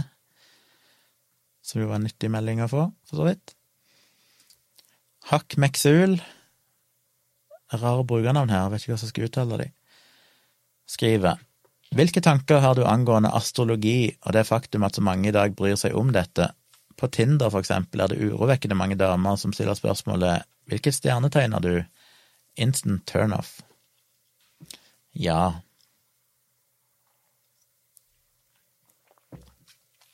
Um, det har ikke jeg sett så mye til på Tinder, faktisk. Jeg har sett det en og annen gang, men det er ikke noe jeg har lagt merke til mye. Uh, veldig sjelden, faktisk. Ikke urovekkende sjelden, men uh, overraskende sjelden. Er min oppfatning.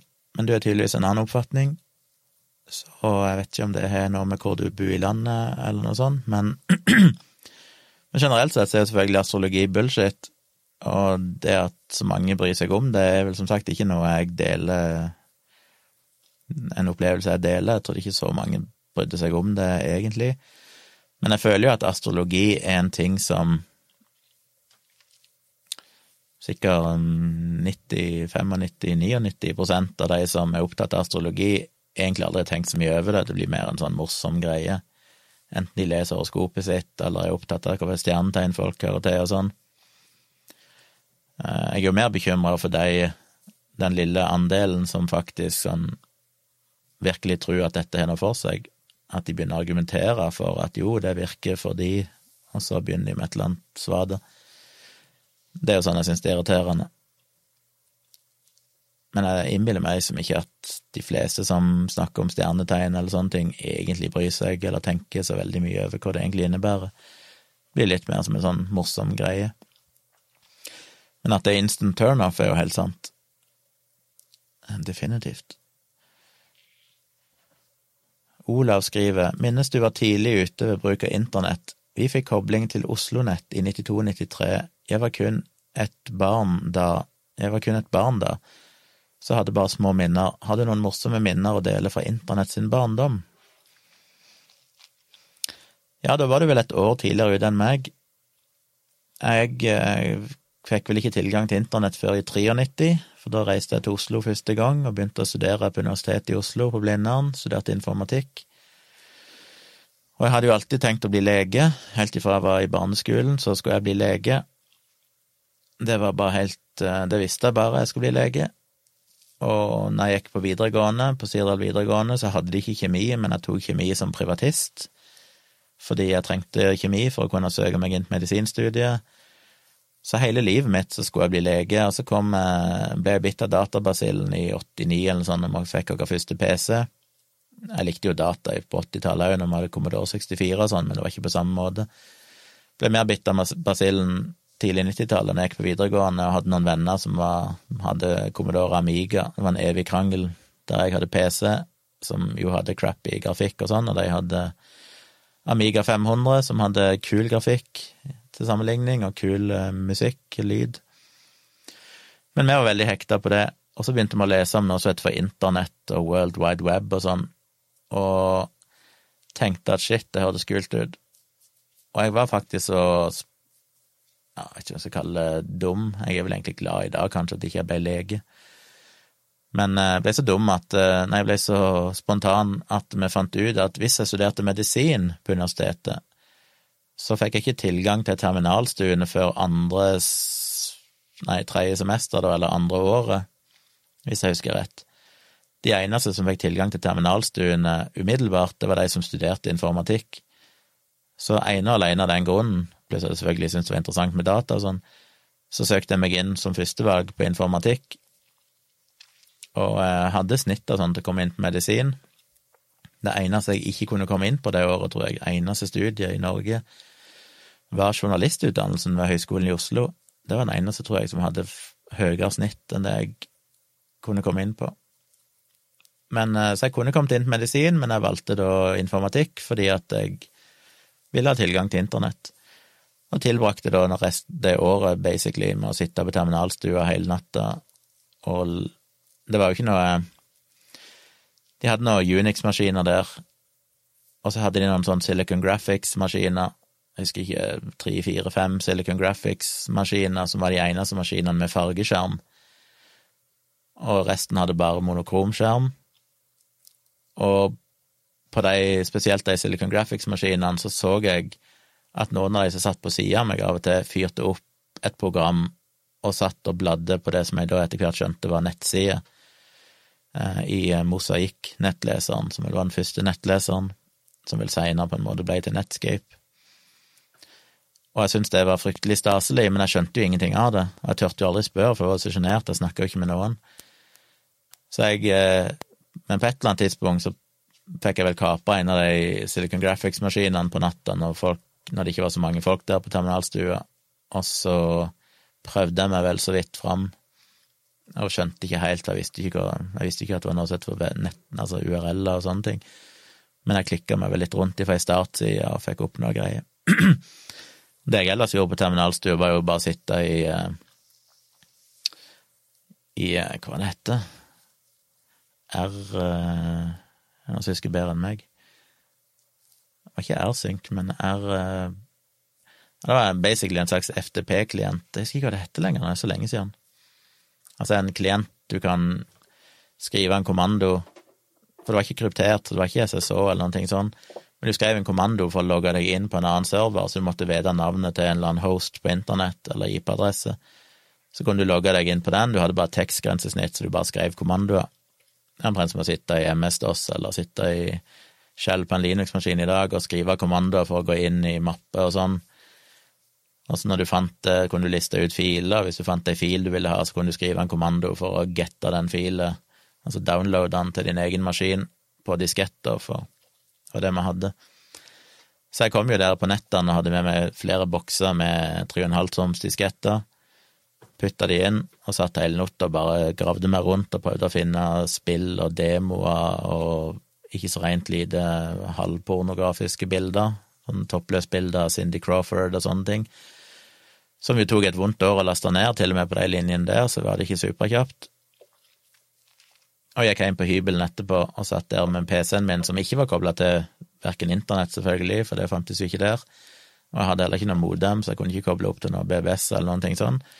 Så da satt jeg bare offline, da, men jeg satt og putta i diskettene, og så kikka på det jeg hadde lasta ned dagen før, eller natta før. Så jeg satt jo og akkumulerte ganske mye disketter med forskjellig innhold etter hvert.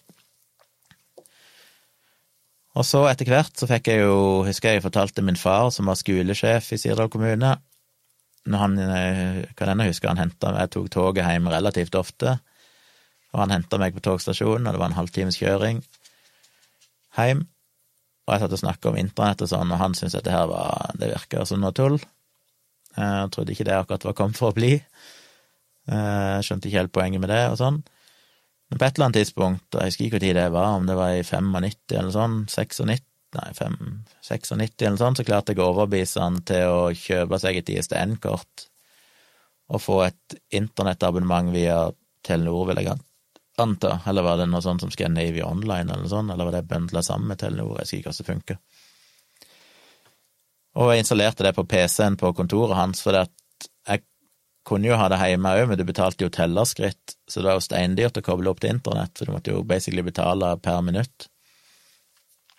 Eh, så jeg fikk han til å gjøre det på kontoret sitt på kommunehuset, på rådhuset, for da kunne jeg sitte mye lenger, og de hadde liksom linje Det betydde ikke så mye for dem. Så jeg eh, leacha litt på telefonlinjene på rådhuset, og fikk lov å sitte der på kveldene av og til og bruke ISDN-oppkoblinga.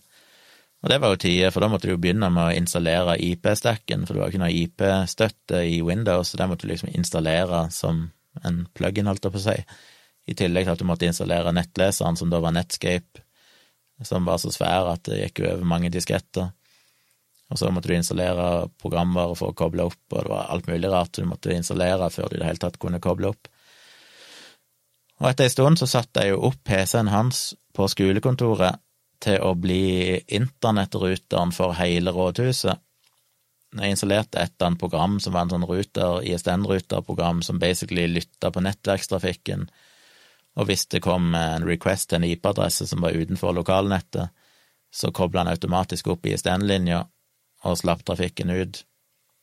Så en periode der så surfa hele kommunehuset på én en enkel ISDN-forbindelse, som jo var to telefonlinjer i parallell. Så det betydde at eh, den første som gikk inn på nettet, han måtte vente noen sekunder mens linja kobla opp, så den første requesten gikk litt seint, og så kunne de surfe på nettet, og etter x antall minutter med inaktivitet så disconnecta han. Så jeg satte faktisk opp den første internettforbindelsen til kommunen. jeg tror ikke det var noen andre der som skjønte hva som foregikk, men plutselig var de på internett. Og så, som jeg har snakka om eh, ganske nylig, så jeg skal ikke gjenta det, men jeg snakket om det utførlig i podkasten min her inne på Patron i en episode for eh, noen uker siden. Så starta jo firmaet i 99, IT-firma, og vi klarte å overbevise Sirdal kommune og Tonstad skole om å være med og spleise på ei fastlinje, så da hadde vi en 1 megabit fastlinje som vi fikk i år 2000, tror jeg. Og den kosta 18 000 i måneden for 1 megabit forbindelse. Og den var det vi som hadde, firmaet mitt, men så finansierte vi den ved at eh, kommunen og skolen betalte halvparten hver, så de dekka egentlig hele kostnaden ved fastlinja, mot at de fikk lov å bruke den. Og så hadde vi webhosting i serverrommet vårt, som hadde webhosting, og hele rådhuset og hele Tonsa skole gikk alt på ei fastlinje på én megabit. Og det funka som bare det. Det var jo superkjapt i den tida, som er ganske fascinerende å tenke på nå. Eh, så det var en background story. Jeg glemte vel egentlig å svare på om jeg har noen morsomme minner og dele av Fintan sin barndom. Ja, det er jo det jeg har sagt. Jeg syns det er morsomme minner. Er det noe annet? Nei, jeg var en ivrig bruker av IRC, eller IRK som noen kaller det, som jeg begynte med allerede på Universitetet i Oslo det første året jeg var der, for det var jo eh, Da var det en IRC-klient. Du skrev vel bare IRC og så navnet på hosten eller noe sånt, og så connecta du til en eller annen host, og så kunne du sitte og chatte med folk i hele verden. Så jeg satt hele nettene der, i tillegg til å laste ned filer, så satt jeg og chatta på IRC. Uh, Seinere så installerte jeg jo Mirk-klienten på min Windows-maskin og brukte IRC i mange år. Det var liksom min go to-plass. Og et av de beste minnene jeg har av internett, tror jeg var ICQ. Rekk opp ei hånd hvis det er noen som har brukt eller husker ICQ, som altså var bokstavene ICQ, men som da skulle uttales ICQ, som var den første offline chat-klienten jeg hadde vært borti. Som betyr at uh, du kunne sende en melding til noen selv om ikke de var online, og så fikk de den meldingen når de logga på. Så det ble jo som uh, Som, ja, det vi alle opp, uh, brukte som MSN-klienten og sånn seinere. At du hadde ei kontaktliste med folk du la til, som vennene dine og sånn, og så kunne du chatte med dem, eller du kunne sende dem en melding når de var offline og sånn. Og der kunne du dele filer, du kunne sende ei fil til andre via den chatten, og du kunne sende lydeffekter og alt mulig rart. Og det har jeg så varme minner av, fordi den eh, Da fikk jeg noen nye venner og sånn for første gang, egentlig. Ja, jeg fikk vel noen via IRC òg, men jeg fikk noen venner på ICQ, og en av de mest fascinerende tingene er at det var ei jeg chatta med en del på ICQ som jeg aldri visste hvem var, jeg vil tippe jeg sikkert ble kjent med henne på IRC eller noe sånt, jeg kan ikke tenke meg hvor ellers jeg skal bli kjent med henne, og så flytta vi over på ICQ for å holde kontakten eller noe sånt. Og vi chatta mye, og dette var tilbake igjen på uh, Ja, det, det, var i 5-96 eller noe sånt. Så det må jo ha hatt et Du hadde vel et modem eller et eller annet, eller i den forbindelse allerede da. Ja. Og det morsomme er at eh, for Når kan det ha vært? Fem eller seks år siden, så var jeg oppe i Oppdal på et firmamøte, og så gikk jeg ifra et møte og til hotellet mitt, som var et par hundre meter. Og når jeg gikk forbi der, så så jeg ei blond dame som sto ut forbi en kontorbygning og røykte. Og jeg bare liksom så henne med et halvt øye, for det var ingen andre mennesker rundt, så jeg bare la merke til at hun sto der, tenkte ikke noe mer over det, og gikk på hotellrommet mitt. Kort tid etterpå så får jeg en eh, DM på Twitter ifra ei som sier liksom hei, eh, var det deg jeg så i Oppdal nettopp? Så sier jeg ja. Og så viser det seg jammen meg at det var hun jeg chatta med på ICQ nesten 20 år tidligere, eller 25 år tidligere. Og vi hadde ikke hatt noe kontakt egentlig siden den gang. Men hun kjente meg igjen av en eller annen grunn, for hun hadde vel merka seg navnet mitt, og så var jeg jo en del i media og sånn de siste årene, hun hadde på en måte kjent meg igjen. Og så så hun meg der. Og så inviterte hun meg på kaffe, så dagen etterpå så reiste jeg opp, eller var det samme kvelden eller sånn, så reiste jeg opp eh, der hun bodde, i et hus på en gård i Oppdal, og vi satt og prata og mimra om, om gamle, gode internett og alt som hadde skjedd på nittitallet og sånn. Det er noe av det mest random jeg har opplevd noen gang. At det bare på de 200 meterne så kjente hun meg igjen, og så var det ei jeg aldri hadde møtt, men vi hadde chatta i noen år, tror jeg, ifra liksom midten av 90-tallet og sikkert mot 2000 eller sånn, før vi mista kontakten. Og den andre nostalgiske historien, det var vel eh, Mirk. Vi oppretta, vi var jo en håndfull, en fem-seks eh, gutter på Tonstad, som var ganske datainteresserte. Og vi oppretta til slutt ei egen sånn, eh, hva det heter, gruppe rom på IRC-kanal, på en eller annen server, som var, som hette Sirdal eller et eller annet sånt, den var liksom bare for oss i Sirdal. Jeg husker ikke hvordan det fungerte, men du kunne jo registrere den altså en greie at den ble en offentlig kanal, for du kunne jo opprette nye kanaler eller sånn rom randomly, men de forsvant når alle logga ut. Men her oppretta vi en som var permanent, jeg husker ikke hvordan det fungerte helt. Og så i Mirk så kunne du legge inn lydfiler som du trigga med forskjellige kommandoer. Du brukte jo skråstrek og så et eller annet som kommando. Så kunne du skrive skråstrek, og så kunne du skrive et eller annet, og så gjorde han et eller annet, for eksempel trigga en lydeffekt. Så vi sørger jo for å distribuere, men du måtte ha den lydeffekten lokalt på PC-en din, så vi distribuerte jo noen sånne lydklipp som vi spilte inn av oss sjøl, av sånne uttrykk og lyder, sånn som vi lagde, veldig intern humor. Lyder vi lagde hvis noen hadde sagt noe dumt, for eksempel, så lagde vi en spesiell lyd, et spesielt ansiktsuttrykk og sånne ting. Og så hadde vi alle de lydfilene, så når vi satt og chatta på kveldene, sånn hvis noen sa noe dumt, for eksempel, så trigga jo alle den lyden, og så kom den i høyttaleren, og vi holdt jo på å le oss i hjel. Så det var jo Det var helt fantastisk koselig, for da Ja, det var så utrolig internt, men uh, Det var i den tida internett var skikkelig, skikkelig koselig. Og jeg likte jo Twitter i begynnelsen, når Twitter var så lite at du kunne få med deg alt som ble tvitra. Du bare scrolla tilbake igjen der du var sist, og så fortsatte du å lese. Og jeg, hadde, jeg fikk utrolig mye venner sånn via Twitter. Veldig mange av de jeg kjenner i dag, sånn i virkeligheten.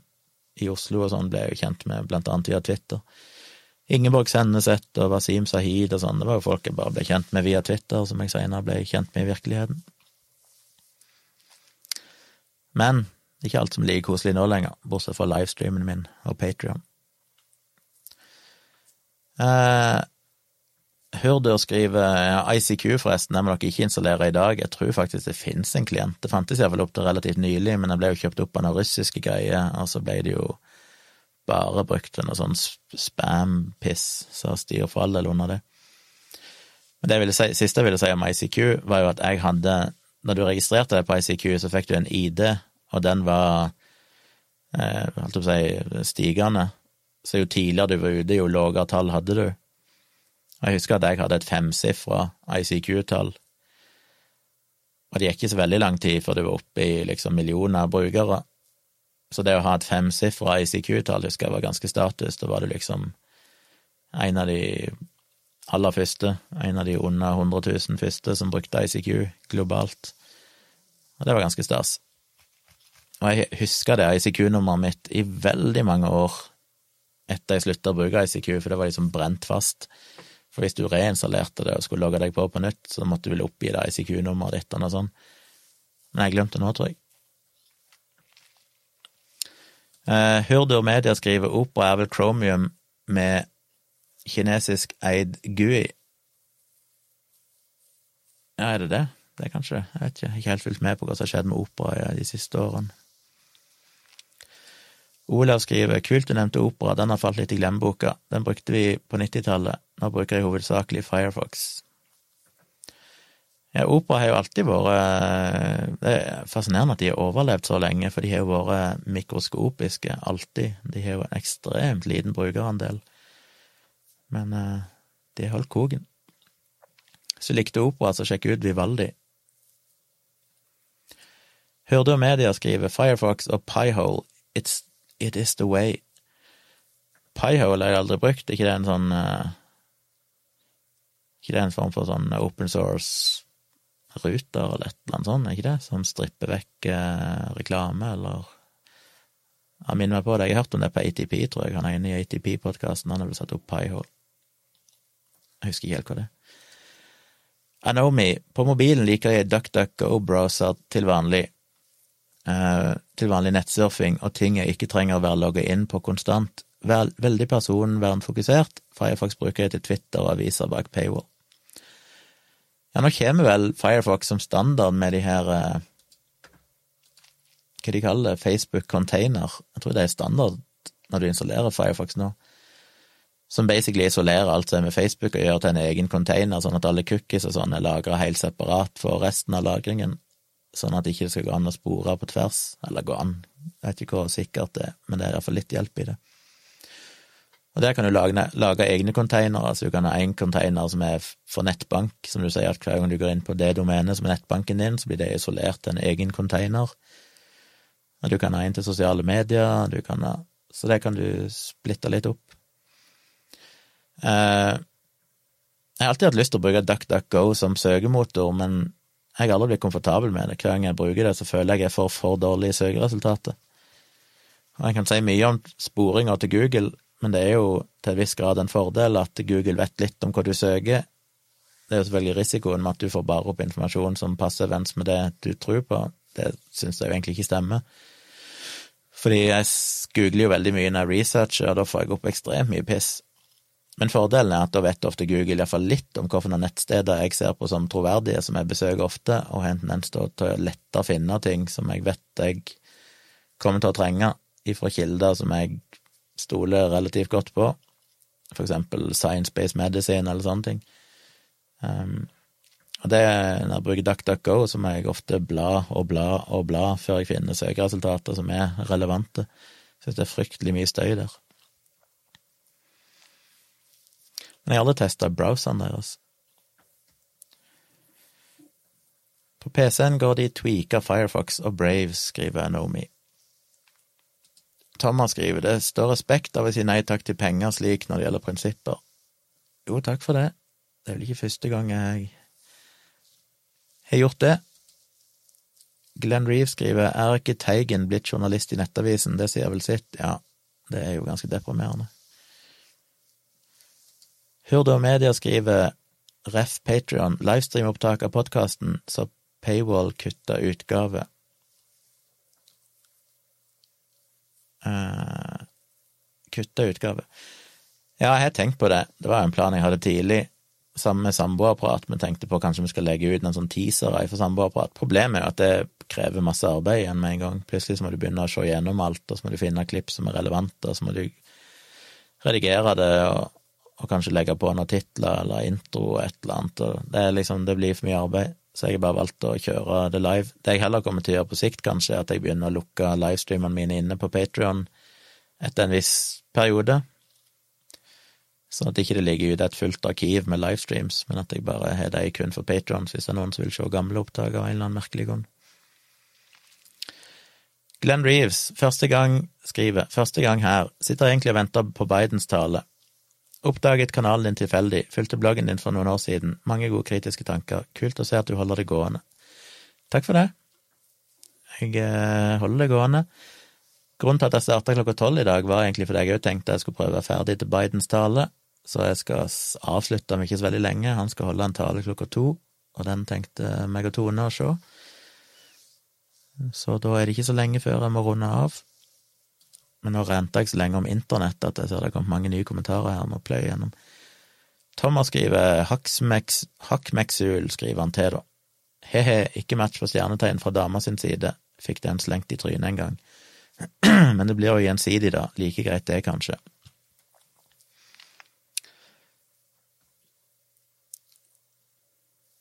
Uh, Haks McGul, nei, skriver er i Oslo, føler veldig mange jenter syns det er viktig å matche på dette, og dette er damer mellom 25 og 35, rare greier, kanskje vært uheldig.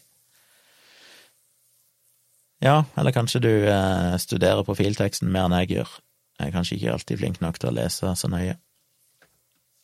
Men jeg, det jeg har Matcha har jeg iallfall sett lite av det på, men det er jo kanskje et veldig ikke-representativt utvalg som ender opp med å matche meg, så det forklarer jo kanskje saken. Seo skriver du får i det minste match på Tinder. Jeg fikk en match her for ikke så lenge siden, og jeg har som profilbildet mitt på Tinder nå, jeg har jo flere bilder, men hovedbildet mitt er bilde av meg med munnbind på. Og jeg matcha ei som virka ganske interessant, men hun eh, var veldig tydelig på at hun ikke var en sau som gikk med munnbind, for hun tenkte sjøl noe sånn greie, og da tenkte jeg jeg er kanskje ikke den mest interessante matchen. Hakmeksul skriver ja, jo, ha-ha, heldig sånn sett. Og Media skriver Telnett. Ja, det var vel for så vidt Telnett jeg brukte på Universitetet i Oslo når jeg satt der og, og eh, lasta ned filer men jeg mener òg det var en annen klient. Det var Telnett, og så var det et eller annet annet òg, som vel egentlig bare var en sånn nettverksbasert uh, Nei, gudene vet hva dette er, jeg husker ikke. Men ja, Telnett var definitivt en av tingene. Det er korrekt. Thomas skriver det har jeg aldri forstått hvordan journalistutdanningen kunne være vanskeligere å komme inn på enn til og med legeutdanningen, for det gjenspeiles ikke akkurat i kvaliteten på journalistikken. Nei, jeg vet ikke hvordan det er i dag, dette er jo fryktelig lenge siden, det er jo eh, 27 år siden, så det er mulig at eh, kravet er lavere nå enn det var den gang. Men det er jo mange leger òg som ikke er spesielt eh, oppegående i forstand at de er i stand til å tenke kritisk. Det er jo mange som får høye karakterer bare fordi de er strebere, uten at de nødvendigvis er så smarte. Det er fullt mulig å få en god karakter hvis du bare jobber hardt, uten at du egentlig er verdens smarteste.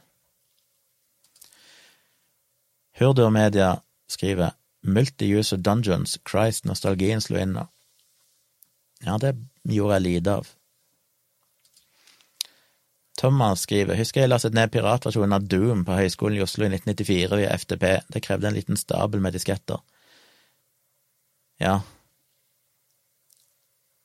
Hva het det som var før forløperen til Doom? 3D Franken 3D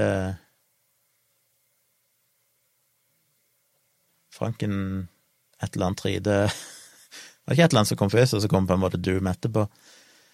Eh, jeg husker jeg testa den første, og testa jo Doom òg, men det var ganske mindblowing første gang jeg prøvde et sånt spill. Windsock, ja, skriver Hurdur Media. Det var vel TCPIP-stacken, var det ikke det? Du måtte installere for at skulle, du skulle kunne ha internettforbindelse. Thomas skriver sleipt scheme du hadde for å koble deg på nett via ISDN hos kommunen. Ja, men de fikk jo noe igjen for det, da. De fikk jo internett på hele kommunen, takket være meg, så jeg tror det var verdt det. Å betale de kronene for tellerskate og få gratis internett installert kontra å leie inn en eller annen eh, ingeniør, holdt jeg på å si, til å gjøre det for dem, det var en ganske god deal for kommunen sin del. Hakk Mexihul skriver, husker når UPC kom, før det het før det het Telia, tidligere Get og Cello. Ja, Jesus, de skifter jo navn, er jo Get blitt en del av Telia, det òg. Så hadde de en gimmick med at når du skrudde på vannkrana på kjøkkenet, så begynte bredbåndet å gå. Var vel først ADSL i Norge, var vel første ADSL i Norge, eller noe lignende, ha-ha, hæ? Når du skrudde på vannkrana på kjøkkenet, så begynte bredbåndet å gå. Den skjønte jeg ikke. Hørte media. Mine forbindelser var en Unix-terminal på biblioteket og en PC på OBS. Good old days. Hurdur. Sistnevnte var ikke mye fornøyd med at en liten kid drev og racka opp store telefonregninger for dem på nesten daglig basis, én time på biblioteket, så busse inn til OBS. Ja, jeg òg måtte jo utnytte forskjellige plasser. Det var noen få Jeg hadde en kompis med modem, og av og til så fikk jeg lov å låne det ei natt og jeg lurte meg til av og til hvis mamma og pappa skulle på en eller annen sånn julebord i kommunen eller et eller annet der jeg forventa at de ble ute ganske seint, så lurte jeg meg av og til å låne modemet hans, og så satt jeg hjemme og ringte opp EBS-en. Det var før internett, men du kunne koble opp til sånn bulletin board system, som basically var andre PC-er rundt om i Norge, for eksempel, som hadde noen filer sånn du kunne laste ned. Og eh, det kosta jo Mamma avslørte meg jo hver gang, for når hun fikk telefonregningen, så var plutselig den par hundre kroner dyrere enn vanlig, og oppdaga da at eh, Gunnar, har du vært på Har du lånt et modem? Men jeg hadde så lyst, og jeg klarte ikke å være helt ærlig på det, så jeg måtte snike meg til det. Men han samme fyren som hadde modem, hadde en, han hadde en far som jobba i Siraquina kraftselskap, og de er jo stinna gryn, så de hadde jo eh, masse sånne systemer som var kobla opp på telefonen omtrent kontinuerlig, sånn vaktgreier og sånn, tror jeg, målesystemer og sånn. Så av og til fikk vi låne nøkkelen til en av eh, kraftstasjonene, eh, eller de administrasjonsbyggene til kraftverkene, og satt der hele natta og kobla til modem, for da kunne vi være oppe, drive på gratis på telefonnettet deres. Og det var jo bare himmelen for meg, de nettene vi fikk lov å gå ut til Finnsår kraftverk, kraftstasjon og satt der inne hele natta og kobla opp modemet og lasta ned ting. Det var gull. Hakkmeksul. 56K modem var fantastisk, ingenting er vel bedre når du bruker 30 minutter på å laste ned en MP3 fra WinMX. Nei, eller hvis du bruker ti minutter på å laste ned et toppløst bilde av Cindy Crawford, og du kunne rendre det i realtime, basically, så du så omtrent ei og ei linje komme på skjermen, og du bare satt og venta til brystvortene skulle bli synlige. Det var tida. Det var det en tid jeg måtte lide litt for uh, nytelsen. Christian skriver første internett var på folkehøyskole i 96, husker jeg fikk tilsendt bilder i posten av ei dame fra Hawaii etter en chat. Åh, good times. Og så, så husker han ICQ, det er bra.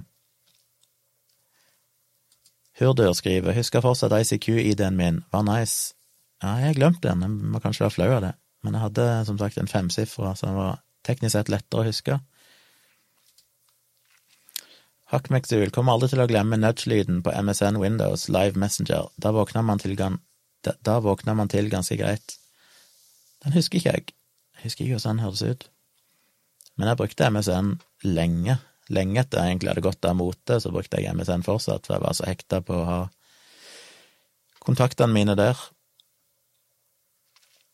Anomi skriver ICQ brukte jeg massevis mellom 2000 og 2009-2010 eller noe. Jeez, holdt det på så lenge? Jeg trodde det forsvant sånn tidlig 2000-tall. Men det holdt vel kanskje koken. Olav skriver Dæsken, ja, Mirk og ICQ. Hurdur skriver slash message x register.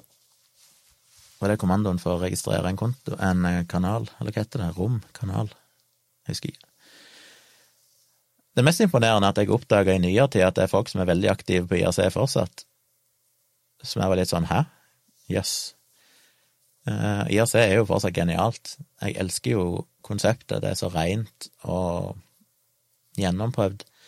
Så jeg lasta faktisk ned en IRC-klient til iPaden min, for jeg fant ut at det var noen ganger jeg tok lange togturer her i Norge, og IRC krever jo basically ingen båndbredde, så til og med på det crappy ustabile nettet som du får på toget, så dugde IAC helt fint. Det er umulig å chatte eller noe sånt på webbaserte løsninger, for det er altfor dårlig nett. Men IAC kunne faktisk sitte på mobilen på en mobilklient med IAC, og selv om du ble disconnecta og sånn, så funka det helt greit, for du bare mister forbindelsen litt, men så er du liksom på igjen etterpå. Du, du trenger ikke noen permanent forbindelse. På samme måte som du ofte gjør med andre systemer, da du blir disconnecta permanent sånn hvis du mister nettet, eller ting blir stående og henge og spinne og vente på å laste. IRC er så minimalistisk at det duger jo på de mest crappy av nett. Men jeg ble ikke hekta igjen, jeg klarte ikke helt å engasjere meg, jeg brukte det bare et par ganger. Men jeg har en liten drøm egentlig om å installere en IRC-klient her og gjenoppta gode gamle dager, men eh, det blir vel med tanken.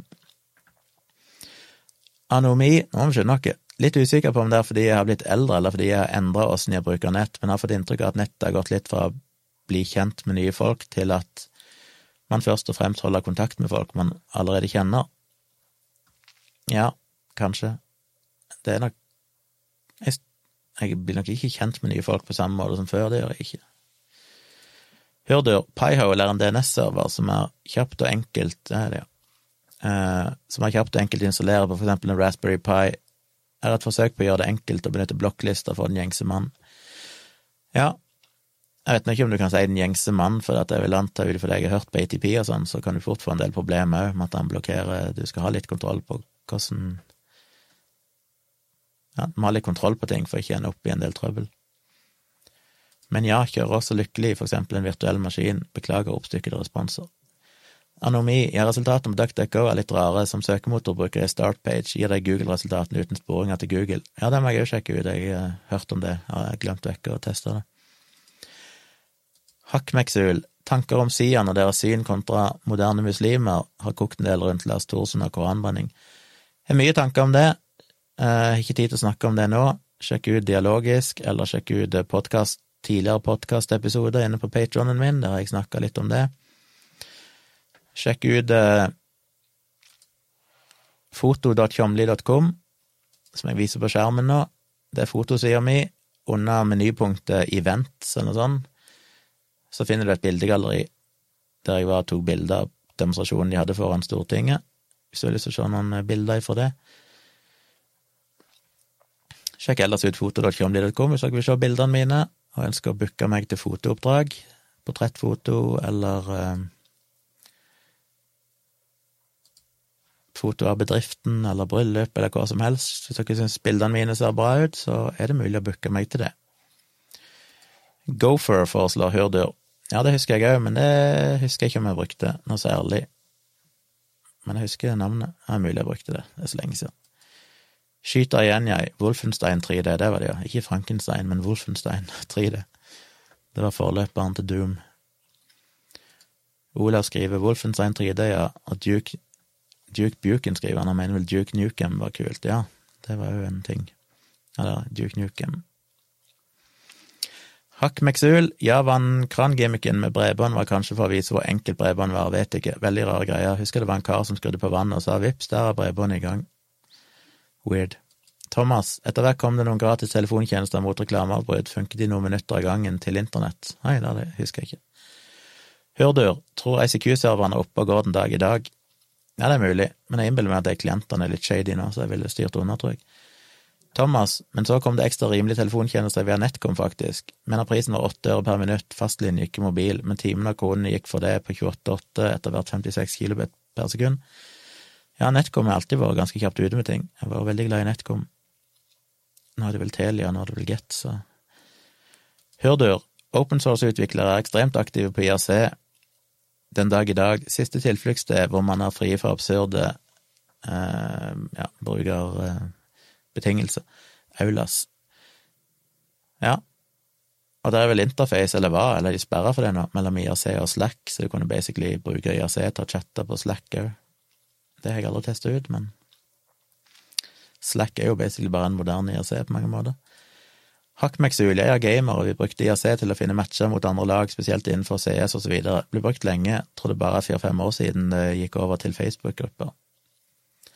Thomas var på varemessen på Sjølyst, hvor UPC, eller hva de het, demonstrerte bredbånd for første gang, men de var svært sure og stressa og lot knapt folk få prøve, det var lange køer for å se på dette. Jeg spurte en gammel klassekamerat som jobbet der om å få laste ned en screensaver på en diskett, men da ble han sur for folk kunne tro bredbåndet deres var tregt. Puslespill skriver til Hakk Meksul, jeg savner å finne Mix Clan-matcher på IRC. Jeg har aldri vært gamer de siste årene, som sagt, så det har jeg aldri brukt det til. Hakkmeksul var veldig enkelt, skriver han til puslespill. Husker godt PCW mid slash highdust 2 slash inferno for å finne PRACC, prac, mot andre lag. Nå er dere over i en uh, arena som jeg kan veldig lite om, så jeg kjenner ikke helt betegnelsene her. Men nå er klokka to, Biden begynner, jeg må logge av. Bli patron, folkens! Hvor skal jeg peke? Der nede. Uh, håper dere ser dere der inne. I morgen er det samboerprat. Håper dere joiner dere inne på Patron for å se det. Og så får jeg se når jeg er tilbake igjen med en livestream neste gang. Abonner på kanalen min, så får dere med dere en notification når det skjer. Eller hvis dere blir Patron, så får dere en mail når jeg kjører livestreams. Så nå er det Biden-time. Vi får håpe det blir en bra tale. Vi snakkes. Takk for at dere så på, og så kommer dette som podkast om ikke så lenge inne på Patron etter Bidens tale. Vi snakkes, alle sammen. God natt.